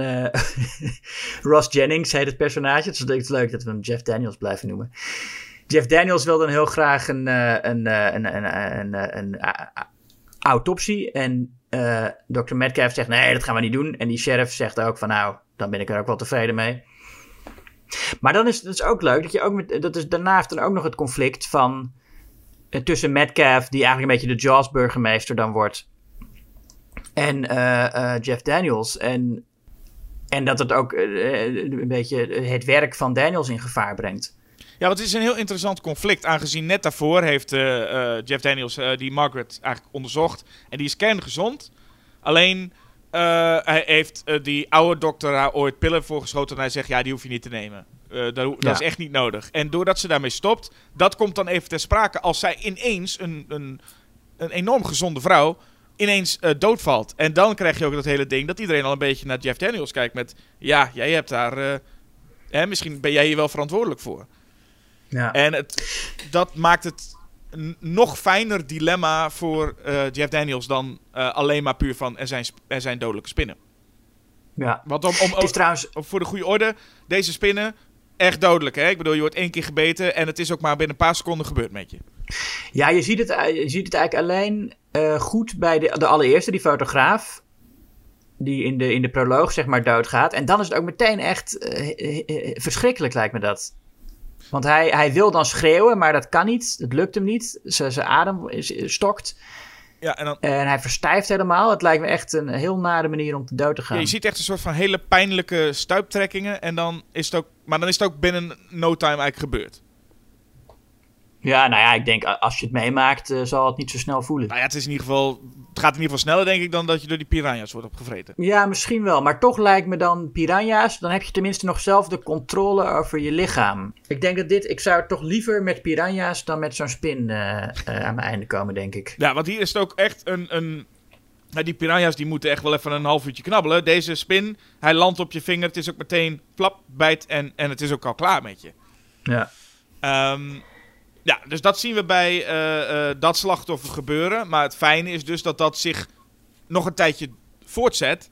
Dat er andere personages ook ineens neervallen. En toevallig waar Jeff Daniels een beetje bij in de buurt is geweest. Waardoor hij een soort bijnaam Dr. Death heeft gekregen. Ja. Ja, dat is een goede, eh, mooi conflict is daarin ingebouwd. Mhm. Ehm, en, en Jeff Daniels die maar steeds kosten wat kost. Hij moet volgens mij, de tweede is volgens mij zo'n eh, voetbalspeler. Waar hij even langs moet om iedereen volgens mij al die voetballers te checken voor een hernia, denk, dacht ik. Ja. Ja. Eh, ik zat altijd, dat heb ik ook lang afgevraagd, wat er nou precies altijd gebeurde als een dokter je dan bij de ballen pakt en dan zegt dat je moet hoesten. Maar het is dus een hernia. Ja, ik heb dat nooit eh, in het echt gezien. Nee. Of meegemaakt. Nou, heb ik, dan heb ik het nooit echt gesport, maar... Nee, Nou ja. Maar ik ken, het zo, uh, ik ken het zo uit films dat bijna, voor mij is dat onlosmakelijk. Ik bedoel, net als dat een, een lijkschouwer heeft een broodje, is het altijd van een dokter die, die, houdt, die, houdt, je, die houdt je testicles vast en zegt, hoest even. Ja. Nou ja, goed. In ieder geval, dan is er ook een, eh, eh, ja, dan zie je ook zo'n spinnetje in zo'n helm kruipen. Meteen daarna wordt die helm gepakt en opgedaan door die, eh, door die voetbalspeler. En het, het, het fijne daarvan is ook, dan voelen wij het eigenlijk al. Je hoeft niet een close-up te zien van, van, die, van die tandjes die in het vlees gaan of wat dan ook. Nee, we, we voelen genoeg. Er zijn trouwens misschien... eh, Het is, niet, het is niet altijd de hoofdspin, hè. Hij heeft zich voortgeplant in, eh, in, in de schuur van Jeff Daniels. Nee, die, hoofd, die hoofdspin past niet eens in een helm. Nee, precies. Die hoofdspin zit volgens mij altijd gewoon in de... Het zijn, het zijn allemaal kleine babytjes. Ja. Wat het eigenlijk akeliger maakt. Want ik denk dat als wij een grote vogelspin, sure. Maar het, het zijn juist die kleine, snellere eh, spinnetjes. En dat is ook heel geloofwaardig voor mensen. Ik bedoel, dan, kun je, dan word je... Als je deze film ziet, word je ook echt bang voor eh, kleine huisspinnetjes. Ja. Maar goed, eh, ja, de echte lol moet eigenlijk nog wel komen, vind ik. Als John Goodman ten tonele verschijnt. Nou, John Goodman en zijn eigen saxofoon-theme heeft hij meegenomen. ja. Het- Ja, dat is heerlijk. Zo'n themaatje waarvan je meteen weet van... Oh, dit gaat even een andere kant op. Ja, hij, hij, lijkt, hij, hij lijkt uit een andere film gestapt te zijn en hier binnen deze, op deze set gewandeld te zijn. Want ondanks dat de film wel komisch is, is John Goodman wel echt een, van een ander soort. Hij is nog een tikkie karikaturaler dan eh, iedereen, inderdaad. Ja, volgens mij ook zo'n eh, bril die zijn ogen heel erg vergroten. Ja, maar zou dit ook zijn rol zijn waardoor eh, de Coen Brothers toen hebben gedacht: we moeten iets met hem? Of, of was dat toen al? Want wa- van wanneer is Raising Arizona? Volgens mij was dat nog wel in de jaren 80, toch? Eind jaren 80. Maar met het, Oh ja, nee, dan was dat al. Nee, maar omdat hij hier ook, wat hij ook in Raising Arizona doet, hij speelt een heel, echt een, een, een dom type met een eh, contrasterend groot vocabulaire. ja, Hij zegt op een gegeven moment van... eh, eh, a web would indicate arachnoid presence. Vond ik een heel mooie. ja nou, het, het, het sowieso, trouwens, als we het dan even toch over John Goodman hebben. En, en geen beter moment om het hier dan over te hebben. Wat ik sowieso fijn aan hem vind, het is een komisch acteur. Maar het is echt een acteur waarbij je, die kan je echt niet in een hokje plaatsen. Nee. Deze man kan, kan, eh, kan super imponerend zijn. Ik heb door, door ten, zie bijvoorbeeld Ten Cloverfield Lane. En dan denk je, ja, hij is, hij is angstaanjager dan wie dan ook.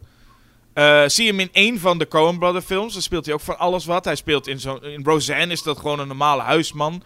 Hij, is, hij Fred Flintstone. Hij is inderdaad super... Hij kan super dommig en geestig zijn. Ik, wat dat betreft vind ik John Goodman meer dan je zou denken. Eigenlijk wel echt een eh, heel veelzijdig acteur. Ja, en, en zelfs bij dit soort rollen, je zou verwachten dat iemand ja, met, met, met zijn lichaam, zijn voorkomen, dat hij inderdaad een soort standaard eh, eh, grappige lompe dik zou kan spelen. Maar hij, hij geeft toch altijd iets extra's aan die rollen, door juist ook een soort ja, pogingen tot intelligent overkomen te laten doorschemeren door dat soort taalgebruik van eh, arachnoid presence en dat soort dingen. Ja, een, een van mijn Eh. favoriete momenten is als dan de, de, de, de snobberige Britse Julian Sands wordt bij, erbij wordt gehaald. Eh, Hmm. al- Als grote nou ja, een natuurkundige of wat het ook is. En dat hij dan, dat hij dan John Goodman tegenkomt. Dat John Goodman dan zijn hand schudt met... "Ah, altijd, altijd fijn om een collega te ontmoeten. ja. Maar het leek mij eh, een beetje uit, uit dat hij uit een andere film stapte. Maar vooral dat hij ook misschien uit een ander dorpje komt. Want het voelt helemaal niet alsof hij bij dat dorpje hoort. Maar dat is dus schijnbaar wel zo.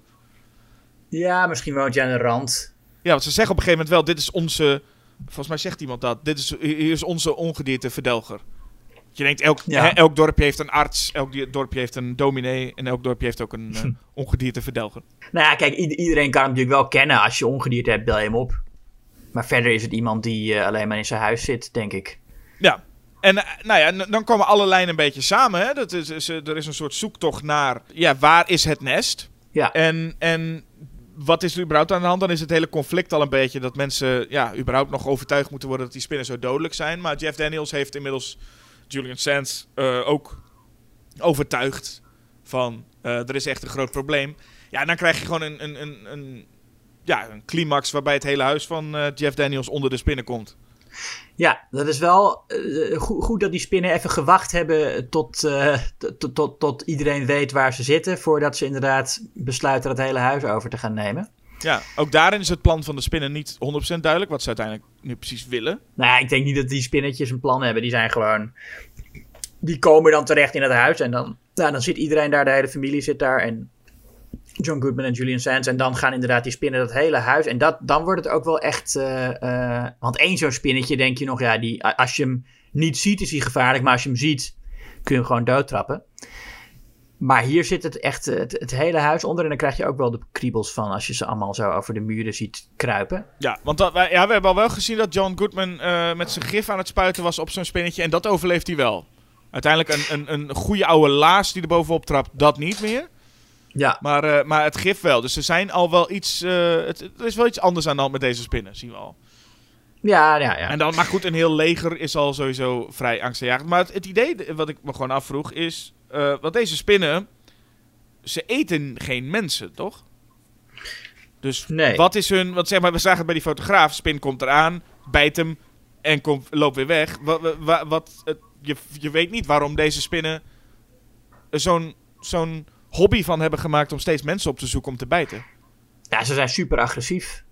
Dat hebben sommige dieren, die zijn, je, hebt dieren die uit verdediging bijten. En je hebt dieren die echt gewoon agressief zijn tegen alles en iedereen. Ja, alleen ze lijken het heel erg op te zoeken. Dat is wat je dus. Je krijgt de hele tijd het gevoel dat ze het opzoeken. Dat die spinnen echt op, op bewust naar plekken Mm. toe gaan.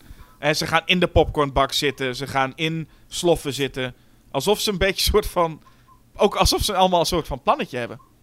Ja. Terwijl je denkt, spinnen zouden bijna dan ergens naartoe vluchten. Van laat me met rust, ik ga ergens waar ik niet. eh, Ja, maar misschien kruipen ze daarom wel in een slof of in een helm. Dat ze denken, hier ben ik veilig. Dat kan natuurlijk. het zou kunnen. Zou kunnen, inderdaad. Ja. Moeten we ook niet te lang bij, eh, bij, bij stilstaan wat het plan is. Nou, maar in het, ze zeggen wel, in de jungle zat die spin aan, aan de top van de voedselketen. Dus het is ook wel voor te stellen dat het een heel agressief beest is. Dat gewoon, ja, alles wat hij ziet eh, bijt. Er zijn dus van spinnen, maar het is wel fijn. We gaan voor de, voor de, voor de grote climax gaan we terug naar, brengen we het helemaal terug naar een, een, een kelder, Jeff Daniels en de grote eindbaas. Ja. En dat is een eindbaas, dat is een beetje, het is een beetje de, de Terminator onder de spinnen. Die is niet kapot te krijgen.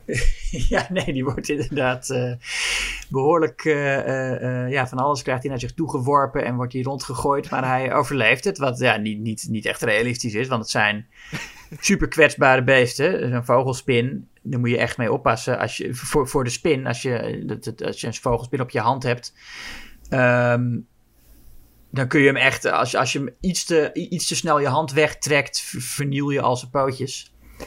Maar dat is hier... eh, eh, Hier niet het geval, nee. nee. Nee, want het is ook zo dat die spin ook hier wel echt een, een, een schurk wordt, hè? Ik bedoel, het is ook niet dat als Jeff Daniels hem wel een keer wegslaat... dat hij dan denkt van, ik blijf maar even weg. Nee, ik moet en zal Jeff Daniels eh, eh, vermoorden. Ja, en hij sist en gilt ook. Ja, Wat ook wel gaaf is. Dat hij hier. Hij sist al eerder, maar hier begint hij ook echt te gillen. Ehm, en wat doet Jeff Daniels allemaal? Ja, hij zit. Want het is wel. Hij is natuurlijk. Die, hij heeft, die, die vloer is rot. Hè, waar hij op. de- dus hij is, hij is door de vloer gezakt en zit in de kelder. En er is, er is een enorme troep om hem heen en alles. En ja, die spin die kruipt daar rond. En hij eh, gaat met wijnflessen naar hem gooien eerst. Want hij is een wijnliefhebber, weten we. En hij wilde zo'n eh, een, een wijnkelder hebben. En hij heeft één fles die het eh, belangrijkst voor hem is. De Margot. En dan is een soort running gag. Maar het, het, het, het stomme is dan... Dan wil hij die fles naar die spin gooien. En dan zegt hij... Not the château. Maar een château... e- Elke Franse wijn is een château. Château betekent gewoon het huis. Dus volgens mij bedoelt hij... Not the Margot. ja, we weten niet of hij een kenner is, hè? Hij denkt het graag, maar... Ja, nou, dat, zal, dat, dat, zal- dat zal dan het excuus zijn. Maar ik vond het een beetje slordig. Ja, een beetje. Eh, maar goed, dat, dat is wel een leuk grapje dat hij die fles dan niet wil gooien. Ehm, en wat doet hij nog meer? Ja, nou ja, uiteindelijk, want hij, heeft natuurlijk, hij raakt verlamd hè, door zijn angst. Dat is wat, wat we al van eerder weten. Als hij een spin ziet, kan hij niet bewegen. Nou ja, we hebben eerder gezien dat dat niet helemaal waar is. Maar bij deze spin, als die spin helemaal op hem gaat kruipen, dan denk je inderdaad, dan kan hij niet bewegen. Maar dan blijkt dat hij toch wel een slim plannetje heeft. Want als die spin dan eenmaal Op een, op eh, een hij heeft zo'n plank op zich liggen. En als die spin dan op die plank is, dan gebruikt hij dat als een soort katapult om die spin te lanceren. Wat een heel mooi eh, klein actiemomentje is. Zeker, het enige is dat hij dan wel blij mag zijn dat die spin ervoor koos om te denken... ik ga nu even laten zien wie de baas is. Want die spin Hmm. had op zijn been al kunnen zeggen... En nu ben je dood en bijt hem in zijn been. Maar die spin heeft toch gevoel voor drama. En die denkt, ik ga heel langzaam loop ik naar boven. Eigenlijk, als de spin kon praten, had hij hier zijn speech gedaan van... Oh, you thought you could stop me, but... Nou ja, dat idee. Ja. Hij loopt heel Hij langzaam, echt- dreigend zo naar boven. Heel mooi hoor, maar in principe had de Hij denkt, ik ga jou eens in je neus bijten. ja, precies. Ik wil je nou op een specifieke plek hebben, Jeff Daniels. Maar, ehm, dus inderdaad heel mooi hoe hij dan op die plank uiteindelijk terechtkomt. Maar het, het- ja, vooral door dat loopje. Eigenlijk lopen spinnen sowieso gewoon langzaam lopende spinnen zijn gewoon sowieso zo'n dreigend wandeltje. Ja. Uh, maar hier inderdaad heel mooi hoe hij dan in het vuur vliegt. Dus hij is in de fik. Dan is hij nog niet klaar. En dan wordt hij met zo'n in de fik met een spijkerpistool in, in het nest geschoten. En dat ja, is, wel, is wel goed hoor. Ja, ik, ja, het is wel mooi gevonden. Want je denkt dan van, ja, wat, wat kun je nou allemaal doen met een spin? Wat voor spectaculaire dood kun je zo'n beestje nou geven? En, en hoeveel actie kun je eruit halen? En dan is dit toch wel... Ja, het- de film gaat hier wel nog een tikkie over de top. En, en iets onrealistischer dan je misschien eh, zou verwachten. Hmm. Maar het werkt allemaal wel in die scène. Ja, het hele idee dat ook überhaupt het nest eraan moet gaan. En dan als je dan een, een brandende spin in de lucht schiet met een spijkerpistool richting eh, het nest. En dat daardoor alles in de fik gaat. Ja, het, het, het, het, het werkt. En, en gewoon überhaupt knap hoe je zo lang een gevechtscène kan hebben met een volwassen acteur en een vogelspin. Ja, precies. Ehm, maar goed, dan is het voorbij. En dan hoor je ook volgens mij een ADR-regel. Namelijk, eh, the kids are okay. The kids are fine, everybody is okay. Ah, ja. En die kinderen die heb je inderdaad al, niet, niet, al heel lang niet gezien. Sinds ze dat huis uit waren, heb je die kinderen niet meer gezien. Nee, je was helemaal kwijt inderdaad, ja. Ja, en dat, dat miste ik wel een beetje. Zeker tijdens die hele finale dacht ik, terwijl Jeff Daniels daar met die spin aan het vechten was, dacht ik, ja, waar, waar zijn al die anderen nou? Waar is John Goodman? Waar is Molly? Ja, waar zijn de kids? John Goodman is al zich aan het... Aan het eh, eh, die, die, die was ondertussen bezig al die spinnen aan het... eh, Ja, die, ja, nee, goed, maar dat, maar dat zien we ook niet. Nee, je ziet even het begin niet- totdat hij gered wordt door John Goodman. Volgens mij wordt Jeff Ja. Daniels uiteindelijk uit die kelder getrokken. Ja, klopt. Maar die doen er niet meer toe. Nee, het is inderdaad... De, het, het eindgevecht is puur... Nu is het alleen Jeff Daniels tegen Spin. Wat ergens ook goed is, want daar kan Jeff Daniels zijn, eh, eh, zijn angst overwinnen. Ja, nee, tuurlijk. Maar ik had daarna nog wel even die kinderen willen zien. Die natuurlijk, ja, die zijn dan, die, die, die waren er gewoon niet. Die eh, Nee. waren niet op de set. En ook in de allerlaatste scène, waarin ze weer teruggaan naar San Francisco, Ja. zie je ze ook niet meer. Nee, klopt. Eh, er wordt dan inderdaad wel gezegd... Het is een dat einde deed me heel erg denken aan Poltergeist. Eigenlijk een, Ah, een ja. soort van, van... Nou ja, ook een Spielberg-film. maar bij, bij, bij eh, ja, eigenlijk zo'n momenten van... Ze gaan weer terug naar en zijn genezen. Dat wat je in, in, in, in Poltergeist ook heel erg hebt, weet je wel. Van, eh, ze willen dan geen tv meer en hier... eh, eh, zijn ze Ja. weer terug in de grote stad. Aardbevingen, ja, die nemen maar eh, op de koop toe. Maakt niet uit, zolang er maar niet meer in een dorpje zitten waar spinnen kunnen zijn. Ja, ik vind het wel leuk, want heel veel Hollywoodfilms hebben eh, een soort, ja, neigen naar de romantisering van het dorpsleven en keuren het stadsleven een beetje af. Terwijl dat natuurlijk niet de manier is waarop de meeste makers van die films eh, leven. Dus ik heb, vind het altijd een beetje onoprecht of zo. Ehm, maar als ik dat dan hier. Ik vind het, ik vind het echt leuk dat dat hier niet gedaan. Dat ze gewoon echt weer teruggaan naar de stad. Denk, ja, ik ben het ook mee eens trouwens. Dat is, ik, bedoel, ik, ik, ik geef zelf de voorkeur aan het stadsleven boven het dorpsleven. Dus ik vind het wel fijn dat er voor één keer eens een film is die wat dat betreft aan mijn kant staat. Maar dan nog wel even een sneer geven met... Ja, je hebt wel allemaal aardbevingen. Het is eigenlijk super kloten, maar weet je... Het is beter dan Ja. een dodelijke spin, hè? Ja. Dus ik, ik, ik voel dat, het, eh, dat, dat er niet echt een mening wordt gegeven... over wat nou eigenlijk de beste... Nee, nee, natuurlijk niet. Nee. Maar ehm, ik moet nog één, één dialoogzin die ik nog van eh, John Goodman was. Dat als John Goodman Julian Sands dood vindt... en dan heel hard tegen zichzelf zegt... Oh my god, they got the professor. Oh, ja, ja, die is goed inderdaad. En dan zijn we bij het einde alweer van Arachnophobia... Ja. Nog, nog één ding. Ik moet nog over één ding. De, en dat Ja. gaat niet zo om de film, dat gaat om de poster. Ja. Deze film bevat een hele mooie poster, wist ik ook nog. Er was zo'n eh, een, een, een, een mooie tekening, een soort van landschap, mooie roze lucht en zo'n dorpje inderdaad. En eh, een maan, volle maan. En dan een beetje à la E.T. hangt er zo'n spinnetje aan zo'n web voor, dat, voor de maan. Ja. En ik, nou, nou, gewoon een mooie poster. En toen keek ik eh, eh, op mijn DVD en ik keek naar de voorkant van mijn DVD. En toen dacht ik ineens, die spin is weg. Hè? En Ja, dat is sowieso natuurlijk in het algemeen trouwens. Dat is het engste wat er kan gebeuren sowieso. Als, een, als je een spin ziet, dat is dan vervelend. Maar die beest blijft meestal wel zitten. Het is altijd heel eng als je dan terugkijkt en hij is weg. Toch? Dat is, dat is het engste. Maar toen dacht ik Ja. ineens... Dus ik meteen al om me heen kijken van waar is die fucking spin? Toen ging ik het opzoeken.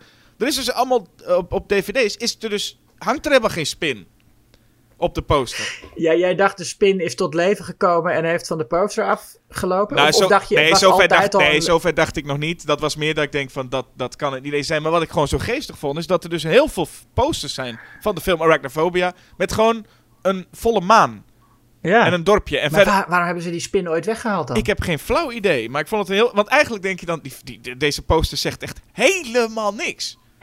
Nee, die spin is het enige waarvan je denkt, oh, het is een spin. Ja, en dus deze, Een het, is een, het is een beetje alsof ze zeggen: Nou, we maken een, een, een, een poster voor de film eh, van E.T. Maar dan halen we wel even dat jongetje met dat fietsje weg voor de maan. Waardoor je gewoon Ja, of, of, eh, een poster van de ja, maan of, hebt. of, of, of, of Jaws zonder de haai. Ja, gewoon iemand die aan het zwemmen is. iemand, zie je gewoon iemand zwemmen. Ja, dus dat vond ik heel geestig. Maar schijnbaar is er dus inderdaad een poster van... De filmposter heeft dan zo'n spinnetje. En een mooie poster ook. Alleen ik zag inderdaad verrek op mijn dvd. Die spin is er niet. Dus het is een film over... eh, nou, het is dat de titel al wel wat zegt. Maar het is de, de, een, film over een volle maan. Nou, onvoorstelbaar vind ik dat. Gek hè? Ja, je, je zou nog denken van het is misschien leuk, want een spin kan zich natuurlijk prima verstoppen op zo'n poster. Dat er altijd een, een echte spin zat. En dat die dan weg is gelopen. Misschien, was dat, misschien wilden ze dat wel gewoon impliceren. Wil- Wilden ze mensen heel erg bang maken. Nou, dat gevoel had ik er dus een beetje bij toen ik gewoon op mijn poster ging kijken. En dacht, verrek, waar is die spin gebleven? Ja, dan, ga je Ja. toch, dan word je toch meteen nerveus. Maar Ja. ja, ja een gek, gekke keuze toch wel. Nou, Maar goed, over keuzes gesproken. oh ja. Eh, daar gaan we dan. Waarom, Julius? En begin jij voor de verandering maar eens een keer, want dat... dat eh, hè? Waarom? Ja, nou ja, ik, ik, ik, ik neem het dus op voor Piranha, omdat ehm, ja, het, zijn, het zijn films die veel met elkaar gemeen hebben. Eén groot verschil is natuurlijk, Piranha is echt een low-budget exploitatiefilm. eh, ja, Grindhouse. Ik weet niet of hij ooit in een Grindhouse gedraaid heeft, maar dat ha- had prima gekund. Ehm, en Arachnophobia is ja, een Spielberg-productie, eh, geregisseerd door Frank Marshall. Echt een grote eh, familiefilm en, en een groot budget. En dan is het, ja, ik, ik vind Arachnophobia de geslaagde film, moet ik eerlijk zeggen. Gewoon een betere film. Maar ik heb toch dan meer sympathie voor het low-budget begin van de carrière van eh, Joe Dante. Begrijpelijk. Dus daarom. Dus daarom. Nou, ik moet zeggen dat voor mij dit sinds tijden, kan ik zeggen, of in ieder geval sinds de laatste paar podcasts, dit weer echt een moeilijke keuze was. Hm. Ehm, want ik vind beide, beide films zijn heel erg in mijn straatje. Beide g- films die het geweldig, geweldig zijn in wat ze doen wat betreft horror en comedy. Ja. Hè, wat we al zeiden, hoe ze de horror dus serieus nemen, humor in die personages zit. Ik vind het, het stel eh, eh, in Piranha vind ik echt een enorm leuk stel. De bij, bijfiguren in allebei de films, waaronder een John Goodman, maar ook Dick Miller. Ja, het is, je kunt het zo Ja. tegen elkaar wegstrepen allemaal, wat mij Ja, betreft. ja. Dus ik moet het puur baseren en ik geef puur deze voorkeur richting eh, de monsters zelf. En dan zeg ik toch, ook een beetje uit persoonlijk, eh, eh, maar de, de spinnen winnen van de piranha's, vind ik. Ik krijg, ik krijg meer kriebels van die spinnen. Ze doen er ook net iets meer mee, hè? niet die, die snelle cuts. Want ja, daar komt toch, mede door het budget wellicht, komen ze niet veel verder dan dat. En ik merk toch wat ze met die spinnetjes doen. Ja, die langzame dreiging van die kleine klotenbeestjes, die, eh, die wint het voor mij. Maar een moeilijke keuze, want ik vind beide echt wel heel sterk. Ja. Maar toch, Piranha, nou ja, Piranha mag weg. Weet je, we hebben dat vervolgd met, eh, van James Cameron nog. En dat is toch ook een fantastische film, of niet? ja, zo is het. En over vervolgen gesproken. Mhm. Wat gaan we volgende keer doen? Nou, het vervolg van... eh, we gaan eens een keertje weer een beetje op een klassieke tour. Oh, Ja. Nou ja, jij weet het als geen ander, want het is natuurlijk een, een podcast naar jou... eh, want ik ken beide films niet die we volgende keer gaan bespreken. Ja, nee, het is een podcast naar mijn hart. Het, we gaan twee film noirs van eh, Orson Welles bespreken. The Lady from Shanghai en Touch of Evil. Weer, Ja. Dat wordt weer heel wat anders. Ja, we, we hebben wel eens luisteraars die zeggen al die oude meuk, eh, daar kijk ik allemaal niet. Maar eh, ja, je zult moeten deze keer als je mee wil praten. ja, want dat doen, dat doen luisteraars toch? Die praten ondertussen nu mee, ja, die toch? praten gewoon mee hoor. Ik vind dat we af en toe wat Ja. meer stiltes moeten laten vallen, dat de luisteraar kan. Ja, zoals Bert en Ernie. Van wat, wat vind jij ervan, luisteraar? Welke film zou jij kiezen? Arachnophobia of Piranha? Ja, oké, dan gaan we dat nu proberen. Arachnophobia of Piranha? Eh, zeg het maar in 3, 2, 1. Oh, Oh, interessant. hè? Dat is een rare keuze. Had ik niet verwacht dit. Nee, zeker van jou niet. Nee, poeh. maar goed. Eh, ja, jij hebt het voor het kiezen, dus eh, prima. Wat moeten de luisteraars verder nog doen? Eh, aanmelden, hoe noem je dat? Subscriben, abonneren op de podcast. Via welke app je dan ook maar eh, luistert. Eh, recensie achterlaten, sterren achterlaten als dat allemaal kan. En onze website bezoeken op uh, schokkertnieuws.nl. En als je dan het echt wil, moet je ook nog een abonnement nemen op het tijdschrift. Waarvan binnenkort alweer het eh 152ste nummer verschijnt, Jasper. Allemachtig. Een Paul Verhoeven special wordt dat. Dus, nou, doe al die dingen, eh, luisteraar. En eh, dan zou ik zeggen, bedankt Julius voor het eh, praten. Jij ook bedankt, Jasper, voor het terugpraten. En luisteraar, bedankt voor het, nou, mogelijk ook terugpraten, maar dat hebben we niet gehoord. Eh, en in ieder geval het luisteren. Ja. En dan zou ik zeggen, tot de volgende keer. Tot volgende keer. Doeg.